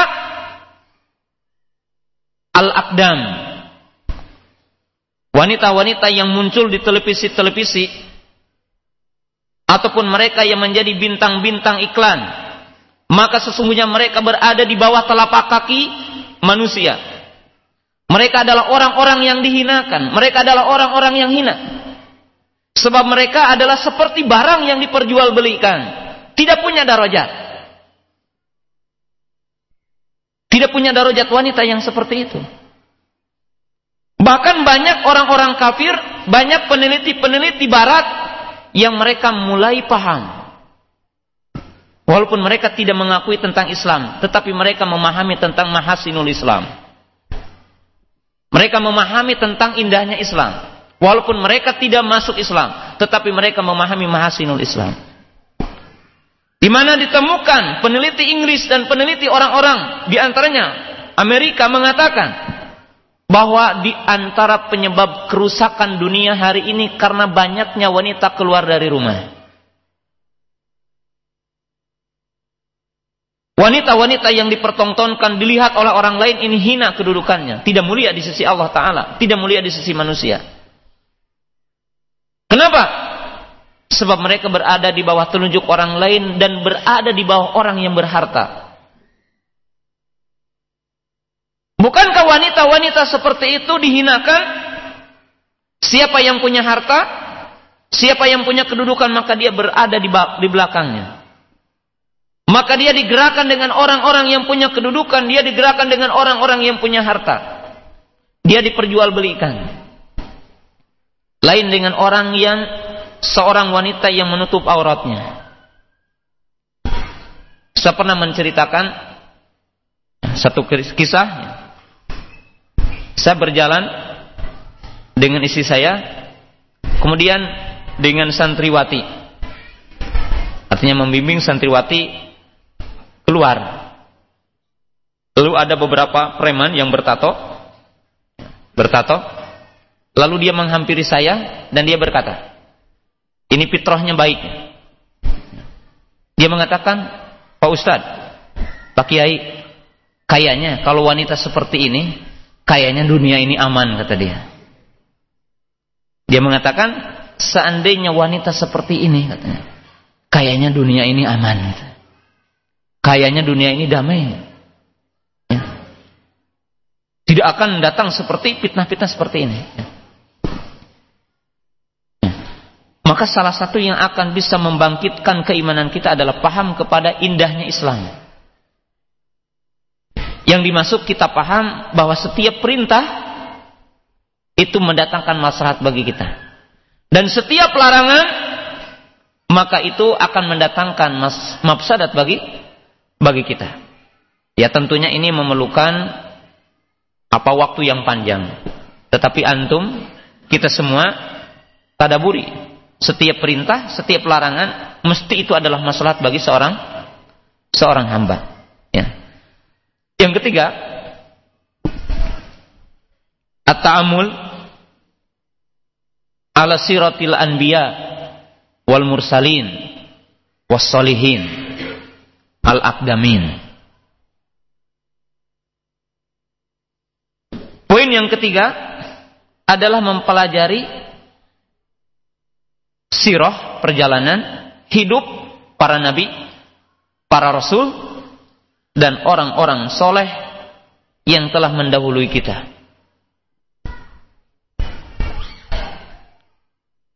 Dan ini disatukan mempelajari bagaimana kehidupan para nabi, para rasul dan orang-orang soleh yang mendahului kita. Yang dimaksud di sini mencakup apa? Pertama mempelajari sifat, akhlak, karakter mereka. Bagaimana hidup mereka? Bagaimana perjalanan hidup mereka? Sisi ibadahnya, sisi ketaatannya, sisi akhlaknya. Termasuk fitnah yang menimpa kepada mereka dan bagaimana ketangguhan mereka ketika menghadapi fitnah. Apa yang menimpa kepada Nabi Nuh? Apa yang menimpa kepada Nabi Ibrahim? Apa yang menimpa kepada Nabi Musa? Apa yang menimpa kepada Nabi kita Muhammad sallallahu alaihi wasallam? Lalu bagaimana ketika mereka menghadapi fitnah tersebut? Bagaimana ketangguhan mereka? Bagaimana ketegaran iman mereka? Pelajari sehingga menjadi satu landasan, satu dasar bagi kita agar kita seperti mereka dalam ketangguhan. Demikian juga orang-orang soleh. Katakanlah kisah tentang Ashabul Uhdud. Anak kecil, bayi dan seorang wanita yang ia dihadapkan ke api yang telah dinyalakan oleh seorang raja. Lalu si bayi itu berkata kepada ibunya, "Ya ummi, ittaqi wasbiri fa inna mau'idakil jannah." Maka bayi yang masih merah di pangkuannya berkata, "Wahai ibuku, bersabarlah dan bertakwalah, sesungguhnya pahala bagimu adalah surga." Lalu dia meloncat ke api yang menyala ini. Sebab dia takut kepada api yang hakiki nanti yaitu api neraka. Maka dia rela. Bagaimana keimanan seorang wanita ini? Dan ketangguhan. Bagaimana Ammar bin Yasir ketika dipanggang dan ketika dianiaya lalu dia bertanya kepada Nabi sallallahu alaihi wasallam wahai nabiku apa janji bagiku jika aku bersabar Faqala Nabi sallallahu alaihi wasallam fa inna mau'idakal jannah. Janji bagimu adalah surga maka dia bersabar. Mus'ab bin Umair radhiyallahu taala anhu ketika dia berhadapan dengan ibunya yang mengatakan wahai Mus'ab seandainya engkau tidak kembali kepada agama nenek moyangmu maka aku tidak akan makan dan aku aku aku akan membiarkan mati dengan sebabmu maka apa yang dikatakan oleh Mus'ab seandainya ibu memiliki seribu nyawa dan keluar satu persatu nyawa tersebut, maka aku tidak akan keluar dari agama Muhammad sallallahu alaihi wasallam. Lihat ketangguhan keimanannya. Ya. Dan bagaimana para sahabat Nabi sallallahu alaihi wasallam di antaranya adalah Anas bin Nawar radhiyallahu taala anhu. Ketika dalam perang Uhud di mana beliau mengharangi Rasulullah sallallahu alaihi wasallam dan menjadi tameng Rasulullah sallallahu alaihi wasallam sehingga dia dipanah dia kena tumbak kena tombak dan kena panah. Lalu dia bersabar walaupun didapatkan 70 luka. Dan para sahabat mengatakan para sahabat tidak mengenal Anas bin Nadar kecuali cincin yang ada di jarinya dan dia berkata ketika sakratul maut Inni qad ajidu rihal jannati duna Uhudin. Sesungguhnya aku telah mendapatkan manisnya surga di belakang gunung Uhud ini. Sabar. Ya, artinya kita mempelajari bagaimana kehidupan salafus saleh. Bagaimana orang-orang yang terdahulu ini adalah berkaitan dengan ilmu. Yang keempat, at-ta'ammul wa tadabbur bima'anil Quran wa sunnati Nabi sallallahu alaihi wasallam. Yang keempat yang berkaitan dengan ilmu adalah mentadaburi, menelaah makna-makna Al-Qur'an, kandungan-kandungan Al-Qur'an, kandungan-kandungan hadis Nabi sallallahu alaihi wasallam. Oleh sebab itu Allah Subhanahu wa taala memuji orang-orang yang mentadaburi Quran dan Allah Ta'ala mencela orang-orang yang tidak paham kepada makna Al-Quran. Bahkan Nabi SAW berkata kepada orang-orang khawarij, Yakra'una Al-Qur'ana la yujawizu hanajirahum. Mereka membaca Al-Quran tetapi tidak melewati tenggorokannya. Kenapa? Sebab ia tidak paham kepada nas-nas Quran. Allah Ta'ala menyatakan, Kama salil himari yahmilul asfara. Bagaikan seekor keledai yang dia memikul beberapa kitab. Orang yang tidak paham kepada maknanya. Sebab Quran ini adalah obat. Sebab Quran ini adalah peringatan bagi seseorang. Maka semakin banyak orang mentadaburi, semakin banyak orang itu menelaahnya, maka akan bertambah keimanannya. Para sahabat mengatakan, kami mempelajari Al-Quran 10-10 ayat dan kami tidak melampauinya dari 10 ayat sehingga kami mempelajari maknanya dan mengamalkan isinya. Tadabur kepada makna-maknanya. Ini adalah yang berkaitan dengan ilmu.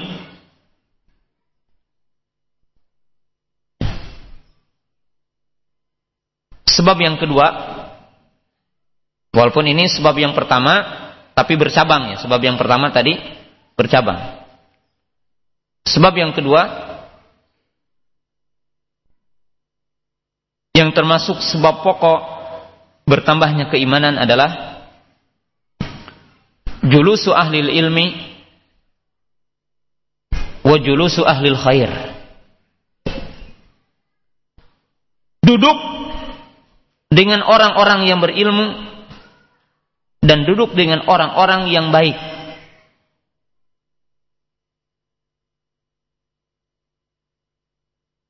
Kaum muslimin yang dirahmati Allah Subhanahu wa taala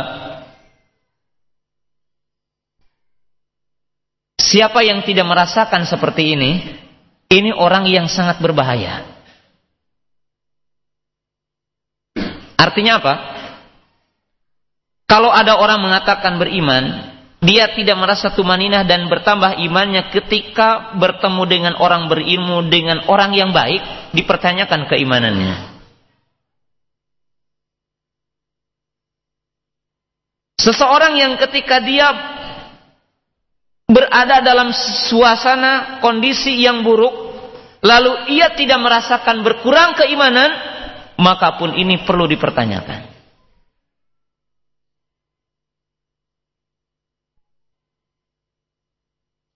Dalilnya apa? Dalilnya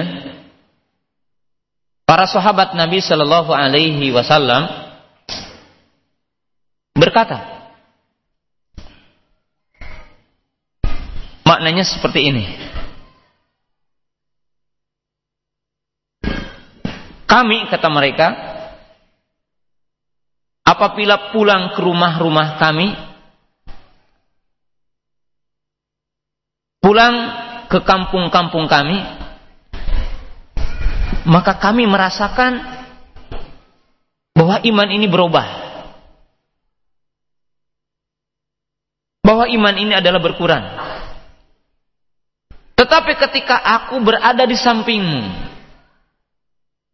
di samping sahabat-sahabatmu, maka kami mendapatkan manisnya iman.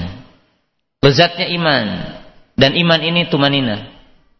Maka dikatakan dalika sorihul iman. Inilah iman. Artinya, seorang mukmin dia akan bertambah keimanannya manakala dia duduk bersama orang-orang beriman. Manakala dia duduk bersama orang-orang baik, orang-orang berilmu, orang-orang yang baik. Kita lihat apa yang dijelaskan oleh Allah Subhanahu wa taala dalam surat Al-Kahfi. Ya. Allah telah menjelaskan ya, dalam surat Al-Kahfi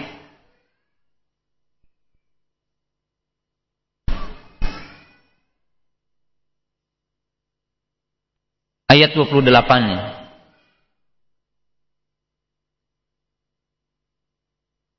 wasbir nafsaka ma'al ladina yad'una rabbahum bil ghadati wal ashi yuriduna wajhah wala ta'du ainak anhum turidu zinatal hayatid dunya wala tuti man aghfalna qalbahu an dzikrina wattaba'a hawahu wa kana amruhu furutah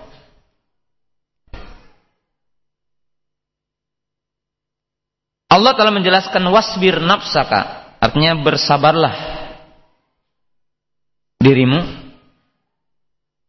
Dengan siapa? Ma'alladzina yad'una rabbahum bil ghadati wal ashi yuriduna wajhah. Dengan orang-orang yang senantiasa berzikir pagi dan petang mengharapkan wajah Allah. Lihatnya. Lalu Allah telah mengatakan dan janganlah engkau memalingkan wajahmu, memalingkan pandanganmu kepada orang-orang yang mendahulukan kehidupan dunia. Dan orang-orang yang lalai dari mengingat Allah Ta'ala. Lihat, ayat ini satu gambaran yang sangat besar.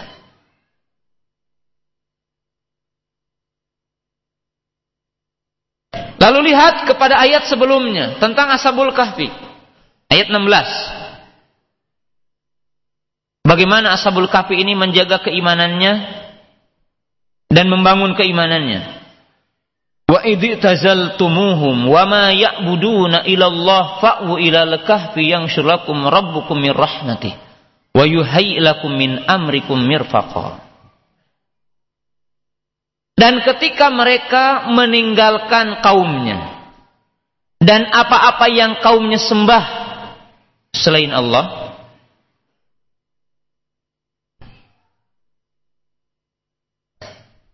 Jadi mereka meninggalkan kaumnya. Kenapa mereka meninggalkan kaumnya? Sebab kaumnya itu menyembah selain Allah.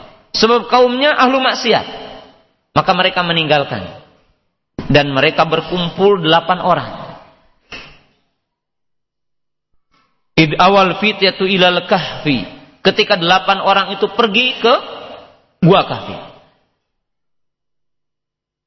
Maka dua ayat ini satu gambaran. Dan apa-apa yang dijelaskan oleh Nabi bersama para sahabat, oleh Nabi wasallam dan para sahabat radhiyallahu anhum. Itu gambaran. Nabi sallallahu alaihi wasallam mengatakan dalam beberapa hadis Hadis yang pertama Khairun nasi qarni Thumma ladhi yalunahum thumma ladhi yalunahum summa yaji'u qaumun ila akhir hadis. Wa fil hadis inna Allah la yaqbidul ilma intiza'an yantazi'uhu minal abdi. Walakin qabdul ilmi qabdil ulama hatta lam yabqa aliman itakhadan nas rus asan juhala Fasailu fa'abtu bi ghairi ilmin fadallu wa adallu. Dalam hadis yang pertama Nabi Shallallahu alaihi wasallam berkata, Sebaik-baik generasi adalah generasiku, kemudian generasi para sahabatku, kemudian generasi para tabi'in.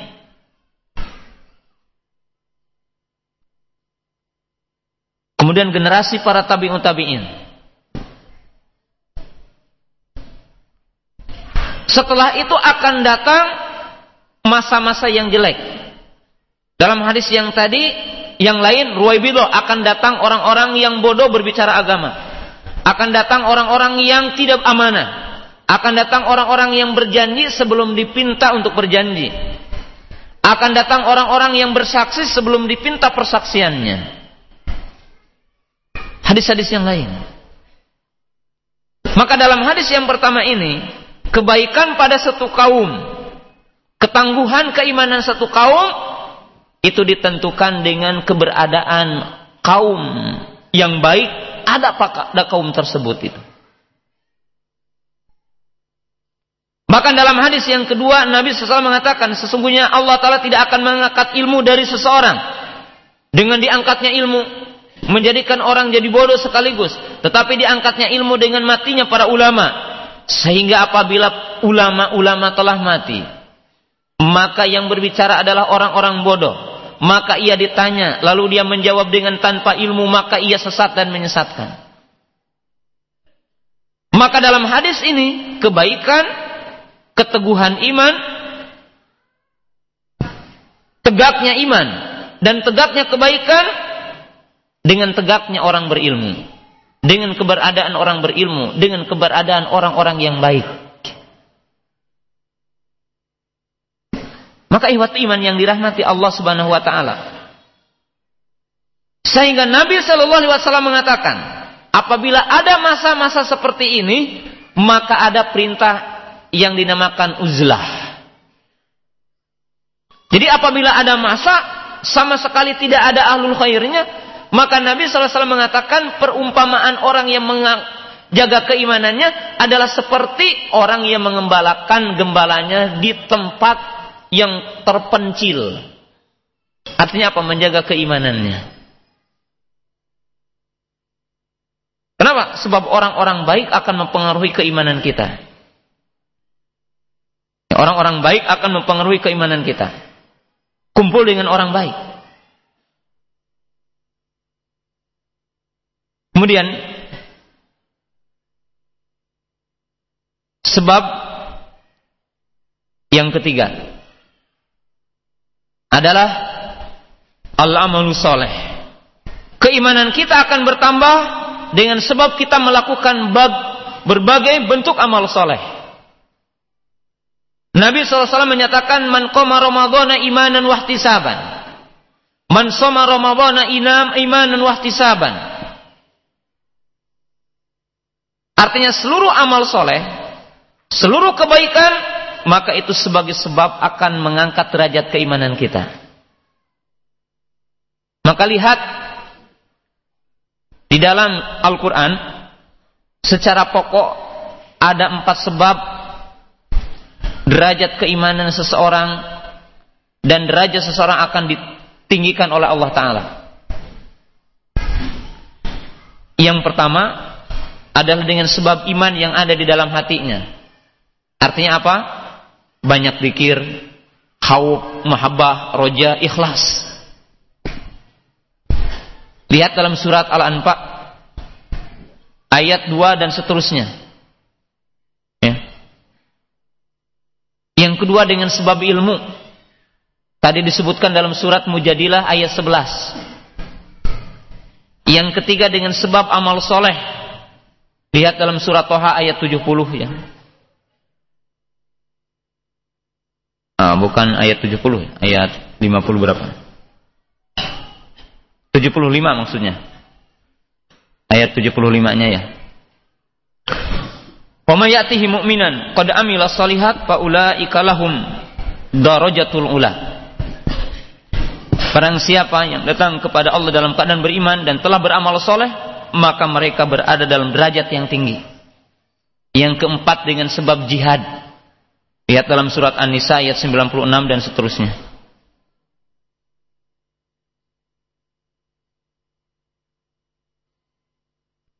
Surat An-Nisa ayat 96 ya. Dan seterusnya ya. Fadlallahu al-mujahidina alal qaidina. Allah taala ayat 95 96-nya ya. Fadlallahu al-mujahidina alal qaidina ajran 'azima. Barajatim minhu wa maghfirah wa rahmah wa kana Allahu ghafurur rahimah. Jadi seluruh amal soleh, termasuk amal hati, amal lisan, amal anggota badan, itu salah satu sebab naiknya anggota apa naiknya keimanan. Bahkan Nabi SAW mengatakan tidaklah seseorang berwudu dengan membaikkan wudunya. Lalu dia berjalan ke masjid tidak bertujuan kecuali untuk sholat. Kecuali setiap langkahnya akan menyebabkan dosanya dihapus dan derajatnya diangkat oleh Allah Ta'ala. Jadi sehingga kita melangkahkan kaki ke masjid, salah satu sebab keimanan kita bertambah. Yang jelas seluruh amal soleh, seluruh kebaikan sebagai sebab iman kita bertambah. Pembahasan yang terakhir, sebab-sebab berkurangnya keimanan.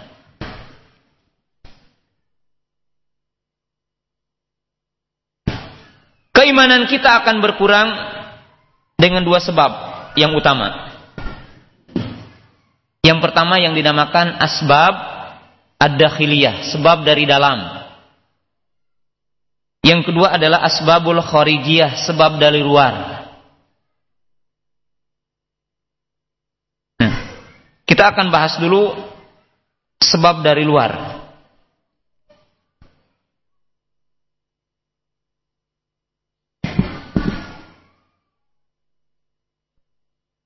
yang bisa mempengaruhi keimanan seseorang berkurang dan merusak keimanan seseorang pertama adalah sebab dari luar yang pertama adalah makaidu syaitan yaitu syaitan atau tipu daya syaitan. Dan ini pun panjang bahasannya. Tapi lihat saja dalam surat yang ketujuh. Surat Al-A'raf.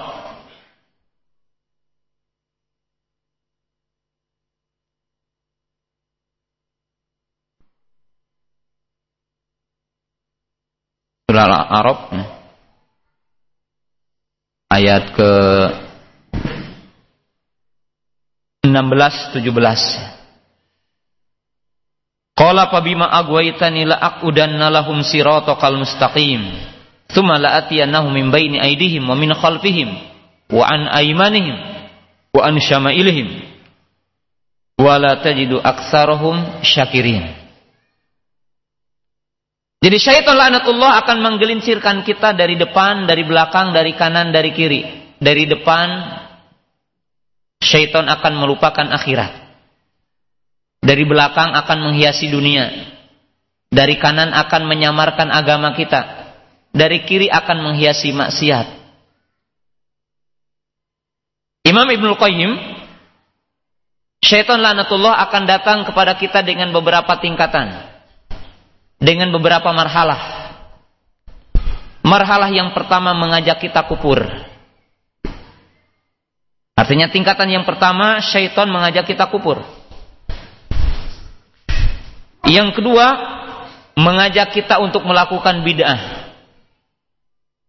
Jika tidak bisa syaitan mengajak kita untuk melakukan dosa besar. Ini tingkatan yang ketiga.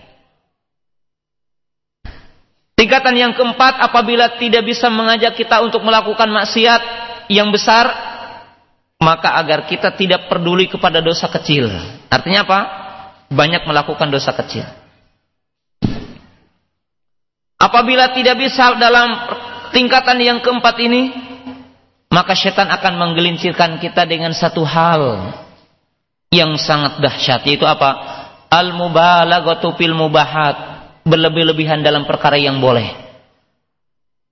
Berlebih-lebihan dalam makan, berlebih-lebihan dalam tidur, berlebih-lebihan dalam jima, berlebih-lebihan dalam berteman, berlebih-lebihan dalam berbicara, berlebih-lebihan dalam bergaul. Pokoknya syaitan laknatullah akan datang kepada kita dari sisi berlebih-lebihan. Orang banyak makan akan mewariskan malas. Orang banyak tidur akan melemahkan dirinya. Berlebih-lebihan. Apabila tidak mampu dalam tingkatan yang kelima, maka setan akan datang dalam tingkatan yang keenam. Apa? Setan akan memotivasi kita agar meninggalkan yang lebih abdol dan mengambil yang di bawahnya. Artinya kita mendahulukan yang lebih apa meninggalkan yang urgen dan kita mengambil yang di bawahnya. Dan ini akan menjadikan banyak hal yang terbengkalai. Yang ketujuh, kata syaitan, jika tidak mampu dari seluruh sisi, maka syaitan baru mengatakan hada aduwi, ini musuhku. Selama bisa setan akan menggelincirkan kita. Nah ini adalah sebab dari luar. Dan ini termasuk tentara-tentaranya, yaitu orang-orang kafir. Sebab yang kedua, yang dari luar adalah Al-Qurona usu. Al-Qurona usu. Teman yang jelek.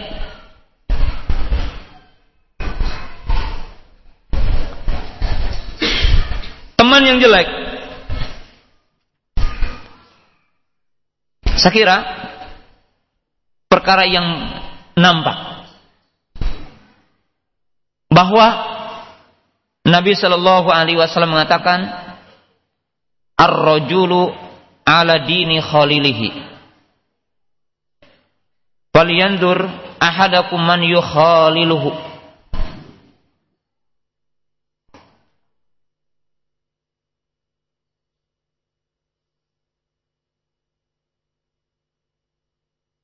Yang dimaksud bahwa karakter kebiasaan seseorang akan bisa diketahui dengan kebiasaan dan karakter temannya.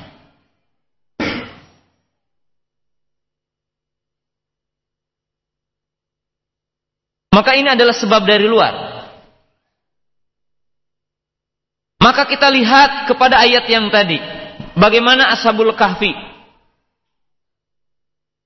Ketika mereka ingin menjaga keimanannya, maka ia berhijrah.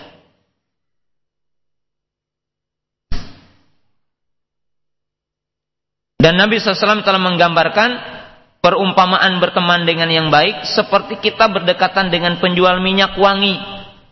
Kalau kita tidak bisa beli, paling-paling kita mencium baunya. Enak baunya. Sedangkan berteman dengan orang yang buruk seperti kita berdekatan dengan tukang pandai besi. Kalau kita tidak terbakar dengan percikan apinya, paling tidak kita mencium bau keringatnya. Gambarannya apa?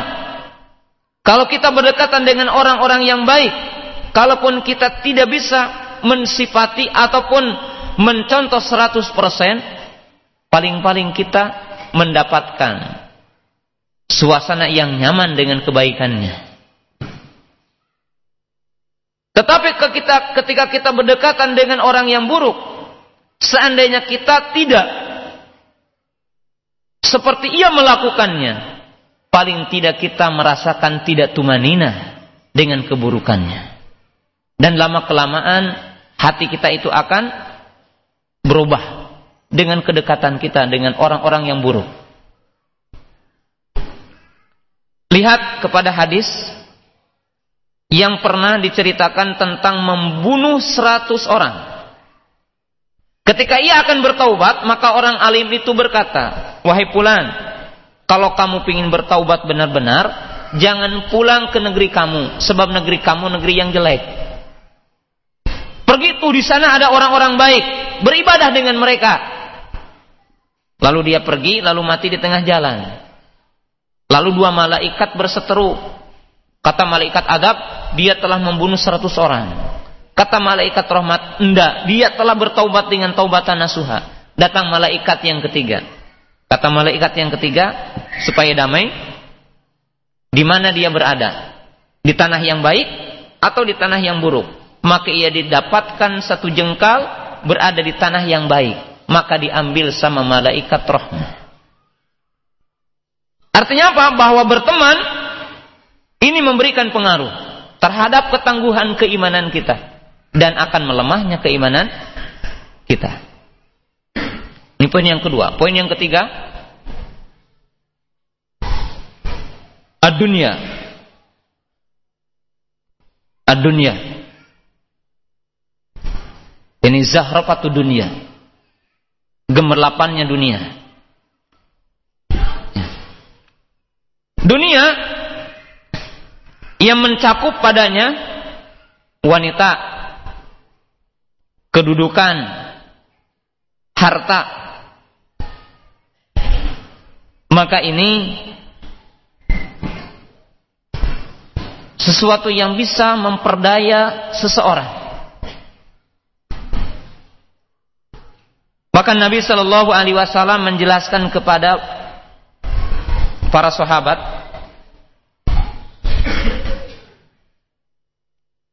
dia mengatakan akan muncul kepada kalian fitnah. Kakit atil lailil mudlimah. Bagaikan potongan malam gelap gulita.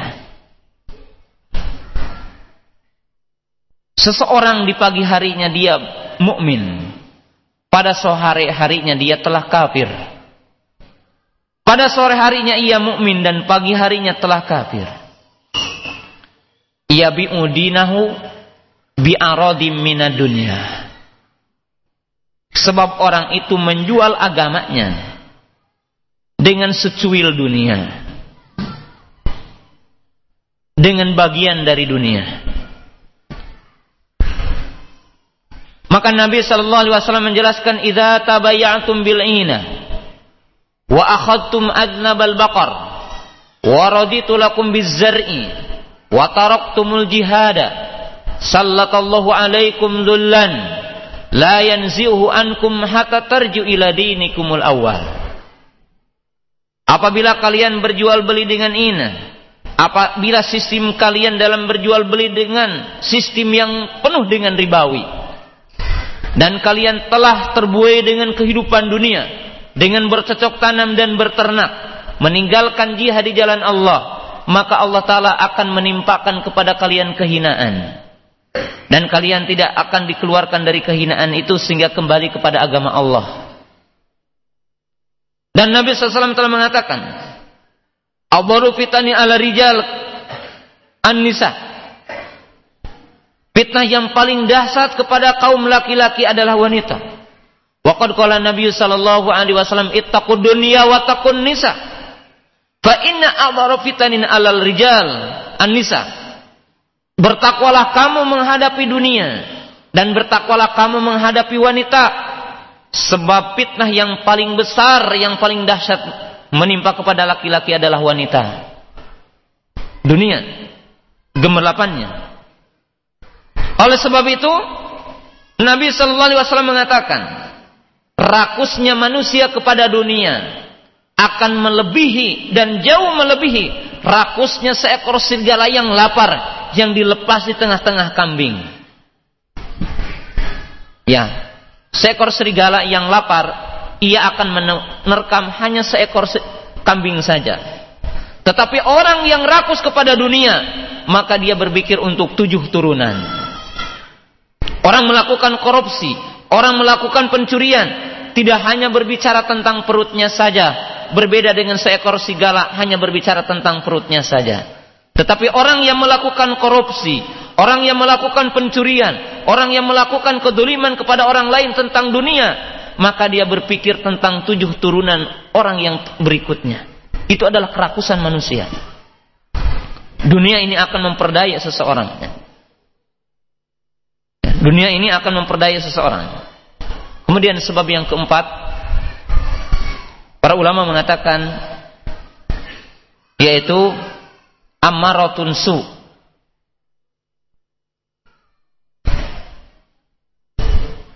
yaitu sesuatu yang ada pada jiwa manusia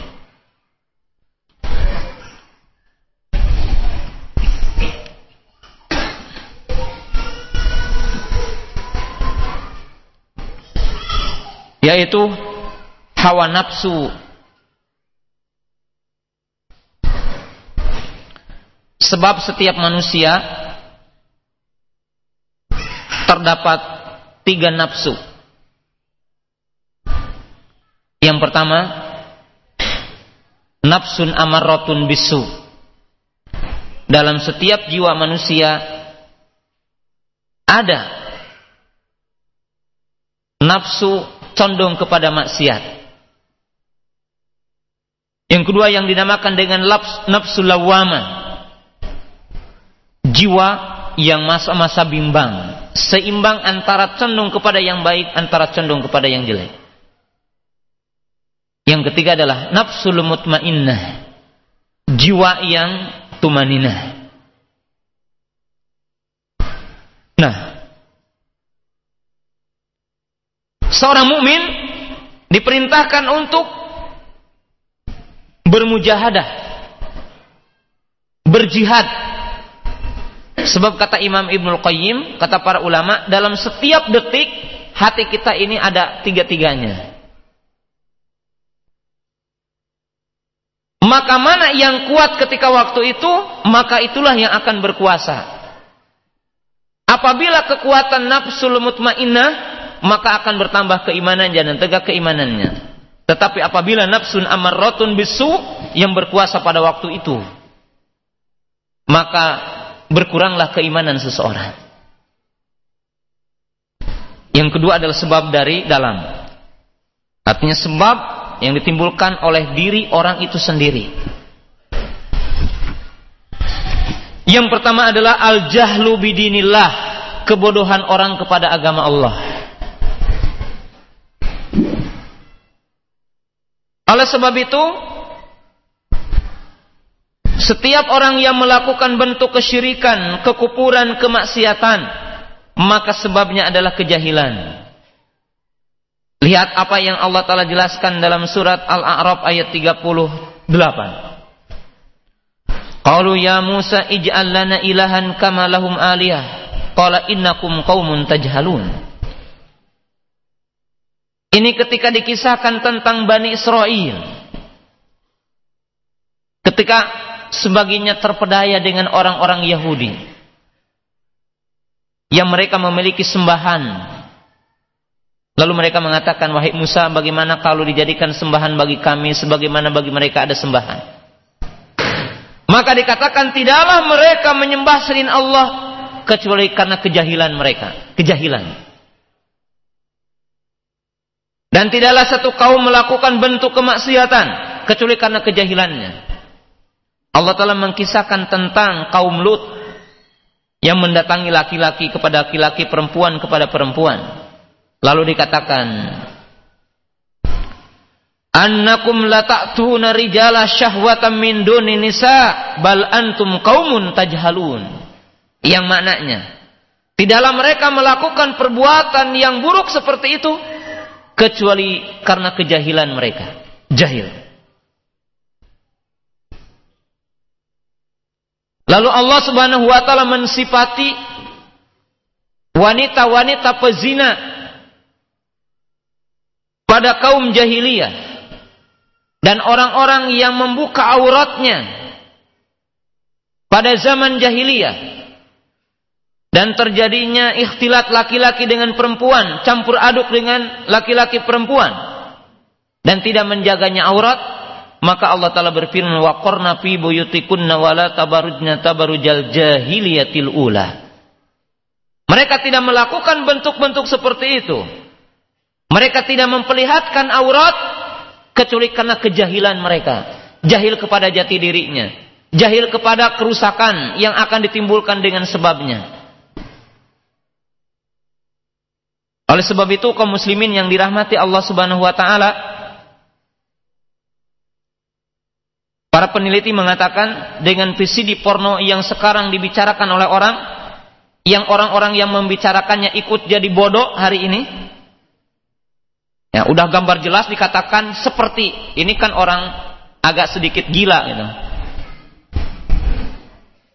Jadi orang agak sedikit gila, udah sama dikatakan seperti. Sepertinya apa tidak bisa berbicara. Artinya apa? Udah timbul orang-orang yang tidak bisa berbicara jujur. Pingin mengatakan iya, mengungkapkan dengan penyesalan umpamanya. Timbul orang-orang yang semakin tidak bisa berbicara. Artinya apa? Anak kecil banyak orang yang bisa berbicara dan bisa jujur, tetapi sekarang begitu banyak orang yang telah tua renta tidak bisa ngomong dan tidak bisa jujur. Dan ini adalah gambaran kerusakan yang timbul hari ini. Ikhwat iman yang dirahmati Allah Subhanahu wa taala, kejahilan, kebodohan terhadap agama Allah taala, terhadap maslahat dan madarat yang akan ditimbulkan. Orang tidak akan bertambah keimanan dan rusak keimanan dengan sebab kebodohan. Ini adalah sebab yang pertama dan sebab yang utama. Kebodohan yang timbul di tengah-tengah apa? Umat ini. Yang kedua, yang ketiga, yang keempat, al-ghaflah wal i'rad wa nisyan. Lalai, berpaling dan lupa.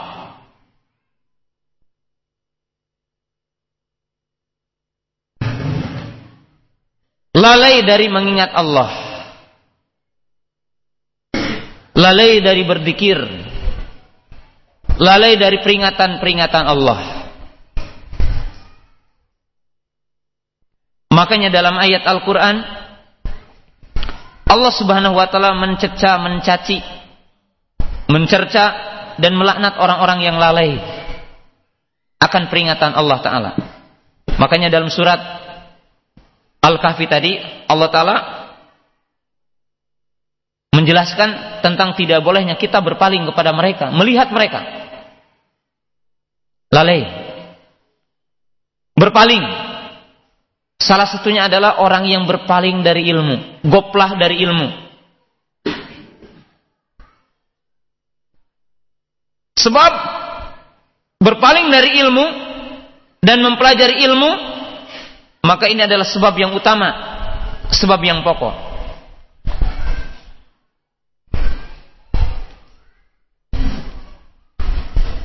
Yang kelima,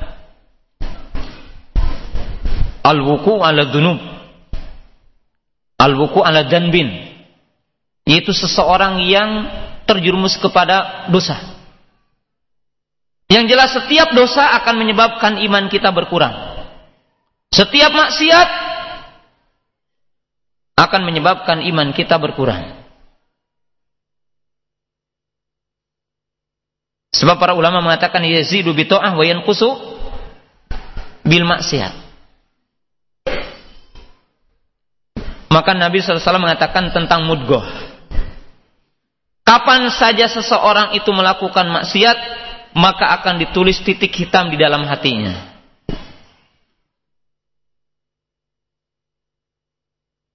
Semakin dia melakukan kemaksiatan, maka akan semakin kelam hatinya. Semakin banyak melakukan maksiat akan semakin gelap. Sehingga pelaku maksiat ini dinyatakan di dalam ayat Al-Quran, satu ketika mereka akan tertutup hatinya. Sehingga peringatan-peringatan itu tidak bermanfaat lagi bagi orang tersebut. kekufuran, kesyirikan, kemunafikan, keboliman, maksiat, bid'ah, ini yang akan menyebabkan amal kita berkurang. Keimanan kita apa? Berkurang.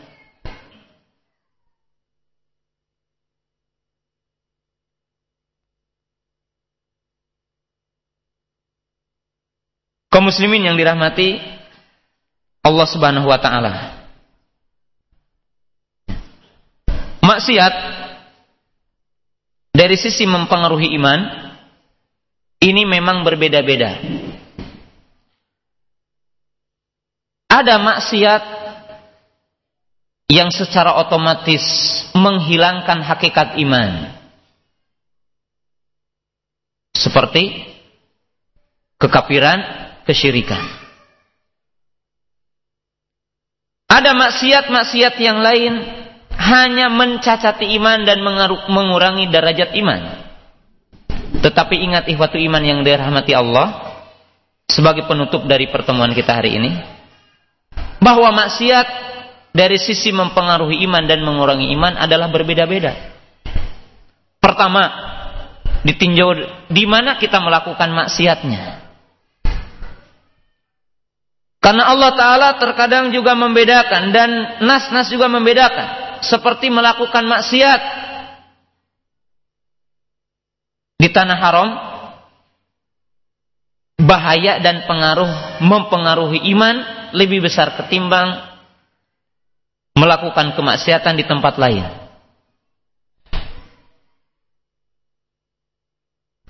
Kemudian juga ditinjau dari sisi waktu. Terkadang dalam waktu-waktu tertentu ketika ia melakukan maksiat, maka lebih dahsyat ketimbang pada tempat yang lain, seperti melakukan maksiat pada bulan Ramadan. Karena waktu dimuliakan hari itu.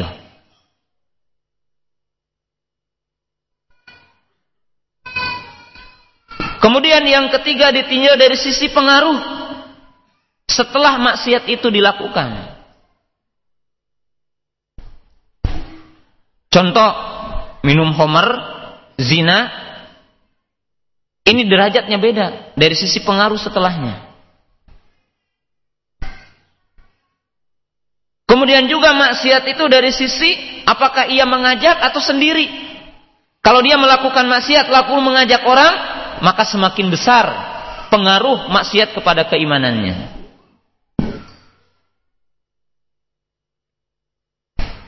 Maka Nabi SAW mengatakan,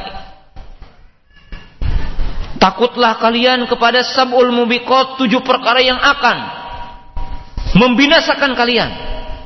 Ini ada derajatnya beda. Nah apabila kita paham, maka tentunya kita berhati-hati sekali tentang jenis-jenis maksiat ini. Poin-poin yang kita akan hindari ini. Betul-betul kita mencermati dan kita mengetahuinya. Sehingga kita itu menjadi orang yang khauf betul-betul kepada Allah Subhanahu wa taala. Hadirin ikhwati iman yang dirahmati Allah Subhanahu wa taala. Pada kesimpulannya bahwa seseorang akan mendapatkan manisnya iman dan kesempurnaan iman sejauh mana ia melaksanakan perintah-perintah Allah dan sejauh mana ia meninggalkan larangan-larangan Allah. Dan seseorang akan berkurang keimanannya. Bahkan satu ketika akan hilang keimanannya. Dari sejauh mana ia meninggalkan perintah-perintah Allah dan melaksan, melakukan apa-apa yang dilarang oleh Allah Subhanahu wa taala. Barangkali sampai di sini dulu pembahasan kita tentang masalah bertambah dan berkurangnya keimanan kita. dan sisanya kita akan buka beberapa pertanyaan insyaallah. Apakah keimanan seseorang bisa hilang yang apabila ia melakukan perbuatan maksiat terus-menerus seperti tidak melakukan sholat lima waktu, tidak berpuasa Ramadan. Kaum muslimin yang dirahmati Allah Subhanahu wa taala, batasan seseorang dikatakan kafir itu bukan dari sisi dia terus-menerus melakukan bagian dari maksiat. Tetapi yang jadi dasar adalah dalil dari Al-Quran atau Sunnah bahwa apabila melakukan perkara tersebut adalah kafir. Jadi perlu dipahami dengan benar tentang masalah seseorang itu kafir ataupun dikeluarkan dari ruang lingkup mukmin itu bukan dari sisi karena ia terus-menerus melakukan bagian dari maksiat. Tetapi ditinjau dengan mempelajari dalil Al-Quran ataupun Sunnah yang menunjukkan bahwa itu adalah kafir. Adapun dengan contoh di sini, apakah orang yang tidak sholat itu adalah kafir? Itu terjadi perbedaan para ulama dan kebanyakan para ulama dari kalangan para sahabat, para tabiin dan para ulama hari ini mengatakan bahwa orang yang tidak sholat itu adalah kafir. Apakah mempelajari bahasa Arab dapat menambah keimanan kita pada Allah dan Rasulnya karena ada seorang ikhwan berkata bahwa mempelajari bahasa Arab untuk orang-orang pabrik tidak berfaidah apa-apa karena tidak diterapkan seperti di pondok atau pesantren. Tentunya tidak setiap orang belajar bahasa Arab bisa dengannya naik keimanannya. Apabila seseorang belajar bahasa Arab, lalu dijadikan satu jalan untuk mempelajari Al-Quran dan hadis, maka sudah barang tentu dengan bahasa Arab ini bisa menaikkan keimanannya. Sebab tatkala dia memahami tentang indahnya redaksi Al-Quran, tentang bagaimana bahasa Al-Quran, tentang bagaimana makna-makna yang dikandungnya, kemudian dari sisi balagohnya, dari sisi bahasanya, dari sisi redaksinya, Lalu dia mempelajari bagaimana indahnya. Lalu bertambah keimanannya dengan keyakinan bahwasanya ini adalah kalam Allah. Maka sudah barang tentu dengan bahasa Arab ini menambah keimanan seseorang. Tetapi kalau orang hanya berbicara dan belajar bahasa Arab dengan semata-mata hanya pingin bisa ngomong bahasa Arab, maka ini tidak bisa mempengaruhi. Sebab Abu Jahal pun bisa bahasa Arab. Jadi dengan syarat bahasa Arabnya ini sebagai jalan untuk mempelajari Quran dan Sunnah, ya. baru kalau hanya bahasa Arab ya tidak tidak akan itu. Dan tidak benar ya bahwa apa kalau orang yang di pabrik belajar bahasa Arab tidak berfaedah, berfaedah sekali ya. Berfaedah sekali. Ya, nanti kalau kita belajar ataupun mendengarkan Ketika disebutkan bahasa Arabnya udah tahu artinya. Orang yang tidak pernah belajar bahasa Arab nunggu dulu artinya. Lama kita berpikirnya juga. Apaan anak ingin sekali mempelajari ilmu dalam mengenal Allah. Ya, mengenal nama dan sifat Allah. Kitab apa menurut Ustadz yang paling bagus mengenal hal ini? Ada yang udah diterjemahkan ya.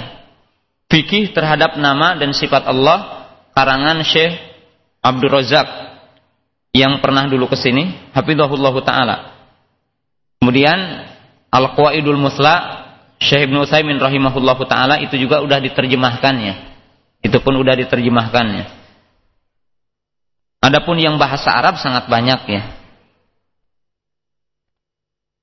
Mohon jelaskan pokok-pokok sunnah yang 10 tadi. Saya sudah menjelaskannya di sini ya. Di lain kesempatan dan tadi saya meringkas saja karena waktunya bukan apa membahas itu ya. Tetapi yang sepuluh itu ya termasuk beriman kepada takdir, beriman kepada adab kubur, beriman kepada haud, beriman kepada sirat, beriman kepada hisab, beriman kepada mizan, mengatakan Al-Quran kalam Allah, dan seterusnya. Minta nasihat Pak Ustadz untuk saya pelajar yang ikhtilat dengan ikh, dengan wanita. Tiap hari, kiat-kiat menjaga keamanan agar tidak turun karena wanita di sekolah tidak berjilbab. Ya sulit ya. Sulit ya. Ya tetap ya terpengaruh, nggak bisa ya. Tetapi bagaimana? Allah Ta'ala berfirman, Fattakullaha mastata'tum. Artinya apa? Hindarilah semampu kita. Jadi hindarilah semampu kita. Pindah sekolah. Ya, pindah sekolah yang paling mudah. Saya pernah mendengar kata-kata seperti ini, tanda dicabutnya nikmat iman dari seseorang adalah ketika dia beribadah tidak merasakan nikmatnya dan dia sangat ingin melakukan maksiat. Ya, memang itu hakikatnya, tidak perlu kepada tafsir lagi. Ya. Dan ketika terjadi seperti itu, maka dia mesti muhasabah. Ya, muhasabah mujahadah. Artinya muhasabah dengan apa yang terjadi lalu dia mujahadah artinya untuk apa menjihadi hawa nafsunya. Dan dia cepat-cepat kembali kepada Allah taala. Bagaimana hukumnya ketika ana melakukan suatu amalan ibadah mengetahui dalilnya tapi tidak hafal karena begitu banyak hadis-hadis yang harus dihafal cuma ana Eh, bagaimana? Ya tidak apa-apa sebenarnya. Cuma dari sisi pahala yang akan diberikan Allah tetap berbeda. Dan itu keutamaan ilmu, jangan protes ya. Jadi keutamaan karunia yang diberikan Allah ya. Jadi orang hafal, orang tidak hafal, orang tahu saja. Ya, antum tahu dalilnya, dalil tahu di mana? Di maktabah dalilnya.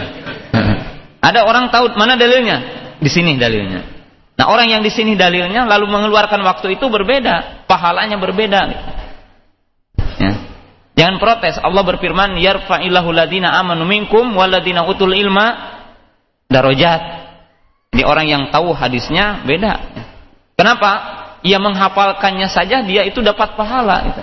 Menjaga hafalannya dapat pahala lagi. Ya. Menghindari perkara-perkara yang akan mengurangi hafalnya, hafalannya berpahala lagi. Jadi pahalanya banyak orang yang apa berilmu, menjaga ilmunya, menjaga hafalannya, itu pahalanya banyak. Dan itu karunia ya, karunia Allah Subhanahu wa taala. Saya ingin menuntut ilmu syar'i tapi jaraknya jauh dari Bekasi ke Jakarta.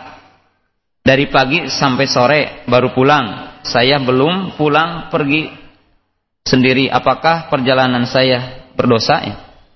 Kalau bukan safar ya tidak berdosa ya. Dan apabila perginya bersama mahram tidak berdosa ya. Ya lebih-lebih mungkin hari ini ya sangat sulit ya ada ilmu di tempat tinggal kita. Ya. Bahkan ilmu itu pada asalnya diambil dengan rihlah, dengan perjalanan. Ya. Nabi SAW mengatakan man salaka tariqon yaltamisu fihi ilman. Man salaka tariqon yaltamisu fihi ilman, menunjukkan ilmu itu dicari dan ilmu itu harus dicari dengan berjalan. Rihlah asalnya gitu. Saya mencintai saudara karena Allah. Tapi ketika saya berbuat salah, dia meninggalkan saya. Bagaimana Ustadz? Ini maknanya. Jadi wajib kita paham dulu an yuhibbal mar'u la yuhibbu illa lillah. Yaitu mencintai, seseorang mencintai seseorang karena Allah. Yang dimaksud bukan karena dunia. Jadi persaudaraannya kaitannya adalah keimanan, keislaman, ketaatan yang ada pada orang tersebut. Maka termasuk cinta karena Allah ketika orang itu melakukan maksiat dan ketika seseorang melakukan bid'ah ataupun melakukan kekufuran, melakukan kekafiran, melakukan kesyirikan, maka diangkat rasa cinta yang ada dalam hati kita terhadap orang itu, maka itu adalah cinta karena Allah. Sebab kalau ia mencintai orang yang tidak dicintai Allah, berarti ia tidak cinta karena Allah. Tidak cinta karena Allah. Makanya digambarkan dalam beberapa hadis oleh Nabi Shallallahu Alaihi Wasallam dan ada beberapa ceritanya. Cerita yang pertama dalam hadis yang sahih, seseorang berjalan akan menemui si pulan di negeri Anu. Paja al malaikah, lalu malaikat menghadang orang itu. Aina turid, ke mana kamu? Qala uridu akhon li fi Korea. Aku ingin menemui si pulan di kampung Anu. Lalu malaikat itu bertanya, apakah pernah ngasih sesuatu kepada kamu? Tidak. Apakah pernah memberi bantuan kepada kamu? Tidak. Dia mengatakan lillah. Maka orang itu mengatakan karena Allah Ta'ala. Lalu Nabi apa malaikat itu berkata, sesungguhnya Allah telah mencintaimu sebagaimana engkau telah mencintainya karena Allah. Artinya bukan dunia. Yang kedua digambarkan dalam ayat Al-Quran. Dengan dua gambaran. Gambaran yang pertama dalam surat Al-Mujadilah. Di akhir. Allah Ta'ala berfirman. La tajidu qawman yu'minuna billahi. Wal yawmil akhiri. Yuwaduna man hadallaha wa rasulah. Kamu tidak akan dapatkan orang-orang yang beriman kepada Allah dan Yomul akhir. Ia akan berkasih sayang, mencintai, menolong orang-orang yang melampaui batasan Allah dan Rasulnya. Maka ini yang dinamakan cinta karena Allah. Artinya apa? Ketika Allah tidak mencintai, maka ia tidak mencintainya. Ketika Allah tidak mencintainya, maka ia tidak mencintainya. Apabila seseorang memutuskan kita karena dunia, maka kita diperintahkan untuk menyambungkan silaturahmi kepada orang itu ketika orang itu memutuskan kita. Ini digambarkan dalam dua hadis. Qala Nabi sallallahu alaihi wasallam silman qata'aka. Artinya sambungkan orang yang memutuskan kepada kamu. Silaturahmi. Yang kedua Nabi sallallahu alaihi wasallam mengatakan La yuhilul mu'min an yahjura akhahu fawqa salas. Tidak halal bagi seorang mukmin untuk menghajar, untuk menghardik saudaranya melebihi tiga hari. Maka yang terbaik di antara keduanya alladhi yabda'u bis salam. Orang yang memulai dengan salam. Jadi apabila ada orang memutuskan kita dengan urusan dunia, maka bagi kita tidak boleh memutuskan. Tidak boleh bagi kita apa? Memutuskan karena cinta kita adalah cinta karena Allah Ta'ala. Bukan cinta karena dunia. Bukan cinta karena dunia. Iwat iman yang dirahmati Allah Subhanahu Wa Ta'ala.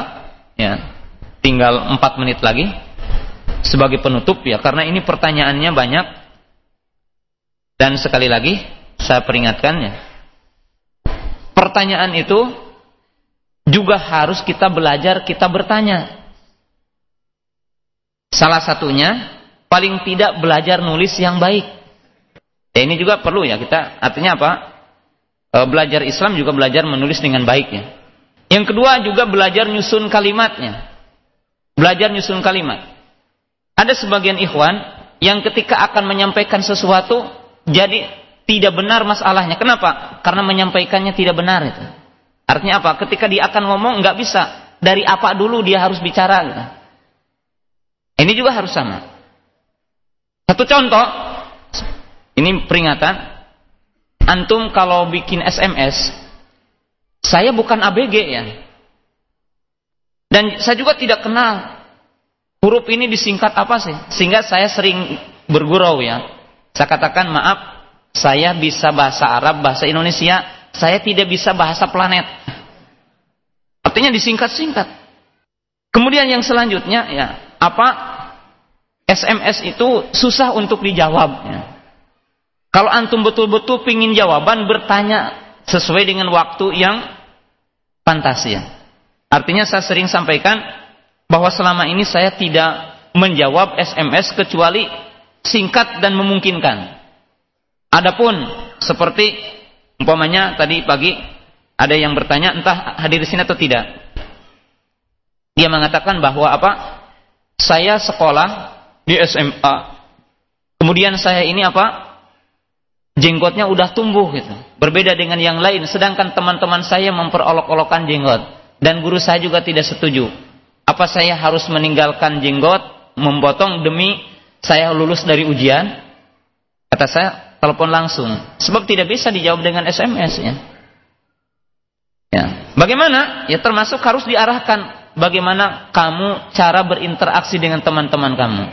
Contoh, biar tidak terpengaruh dengan jenggot, tunjukkan akhlak yang baik.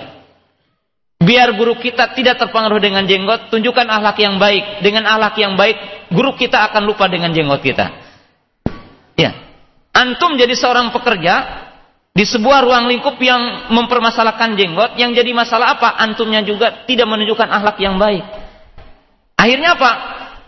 Jenggotan kok akhlaknya seperti itu. Mestinya apa? Masya Allah orang yang berjenggot itu akhlaknya baik sehingga diterima gitu. Jadi artinya apa? Perlu sisi-sisi yang lain yang diperingatkan. Bukan hanya mengatakan boleh atau tidak boleh. Gampang mengatakan boleh dan tidak boleh. Tetapi apa? Orang yang yang mendapatkan jawaban setelah itu dia tidak bisa melakukan sesuatu. Contoh tadi ya. Dia mengatakan, boleh nggak saya mencukur jenggot? Antara dikatakan tidak boleh, setelah itu apa yang harus diperbuat? Dia tidak paham. Tetapi kalau dia bertanya, saya mengarahkan ketika kamu itu menjaga jenggot kamu, maka ada beberapa kisi-kisi yang perlu ditempuh oleh kamu. Seperti apa ini? Ya diarahkan itu. Apalagi bertanya tentang masalah cerai. Apalagi berbicara tentang masalah istri saya begini-begini. Ya langsung dijawab kata saya, cerai saja istri kamu. Nah, kan bahaya ini. Setelah itu udah cerai, ternyata salah pertanyaannya, kan bahaya itu. Jadi apa bertanya pun perlu kepada belajar Ya, bahkan saya pernah sampaikan ada ulama yang menyusun sebuah kitab yang panjangnya dua jilid tentang adabus soal, adab bertanya dua jilid. Ada di maktabah di Tasik. Kalau ingin baca dua, dua jilid. Itu adab bertanya. Iwatu iman yang dirahmati Allah Subhanahu wa taala, mudah-mudahan Allah Subhanahu wa taala ya menjadikan kita orang-orang yang mendapatkan lezatnya iman. Dan mudah-mudahan Allah Subhanahu wa taala senantiasa menjaga keimanan kita dan mudah-mudahan Allah Subhanahu wa taala menjadikan kita adalah min ahlil iman dan orang-orang yang senantiasa bertambah keimanannya. Rabbana la tuzigh qulubana ba'da id hadaitana wa hab lana min ladunka rahmah innaka antal wahhab.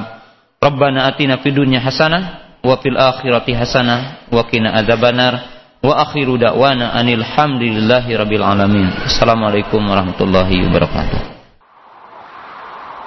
أعوذ بالله من الشيطان الرجيم الذين يقولون ربنا إننا فاغفر لنا ذنوبنا فاغفر لنا ذنوبنا وقنا عذاب النار. Radio Roja 756 kHz للذاكرين والذاكرات. إذاعة القرآن الكريم. Radio dakwah Ahlu Sunnah wal Jamaah.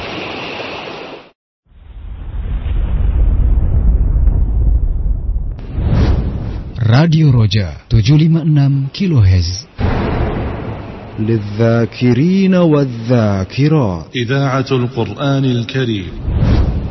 راديو دعوة أهل السنة والجماعة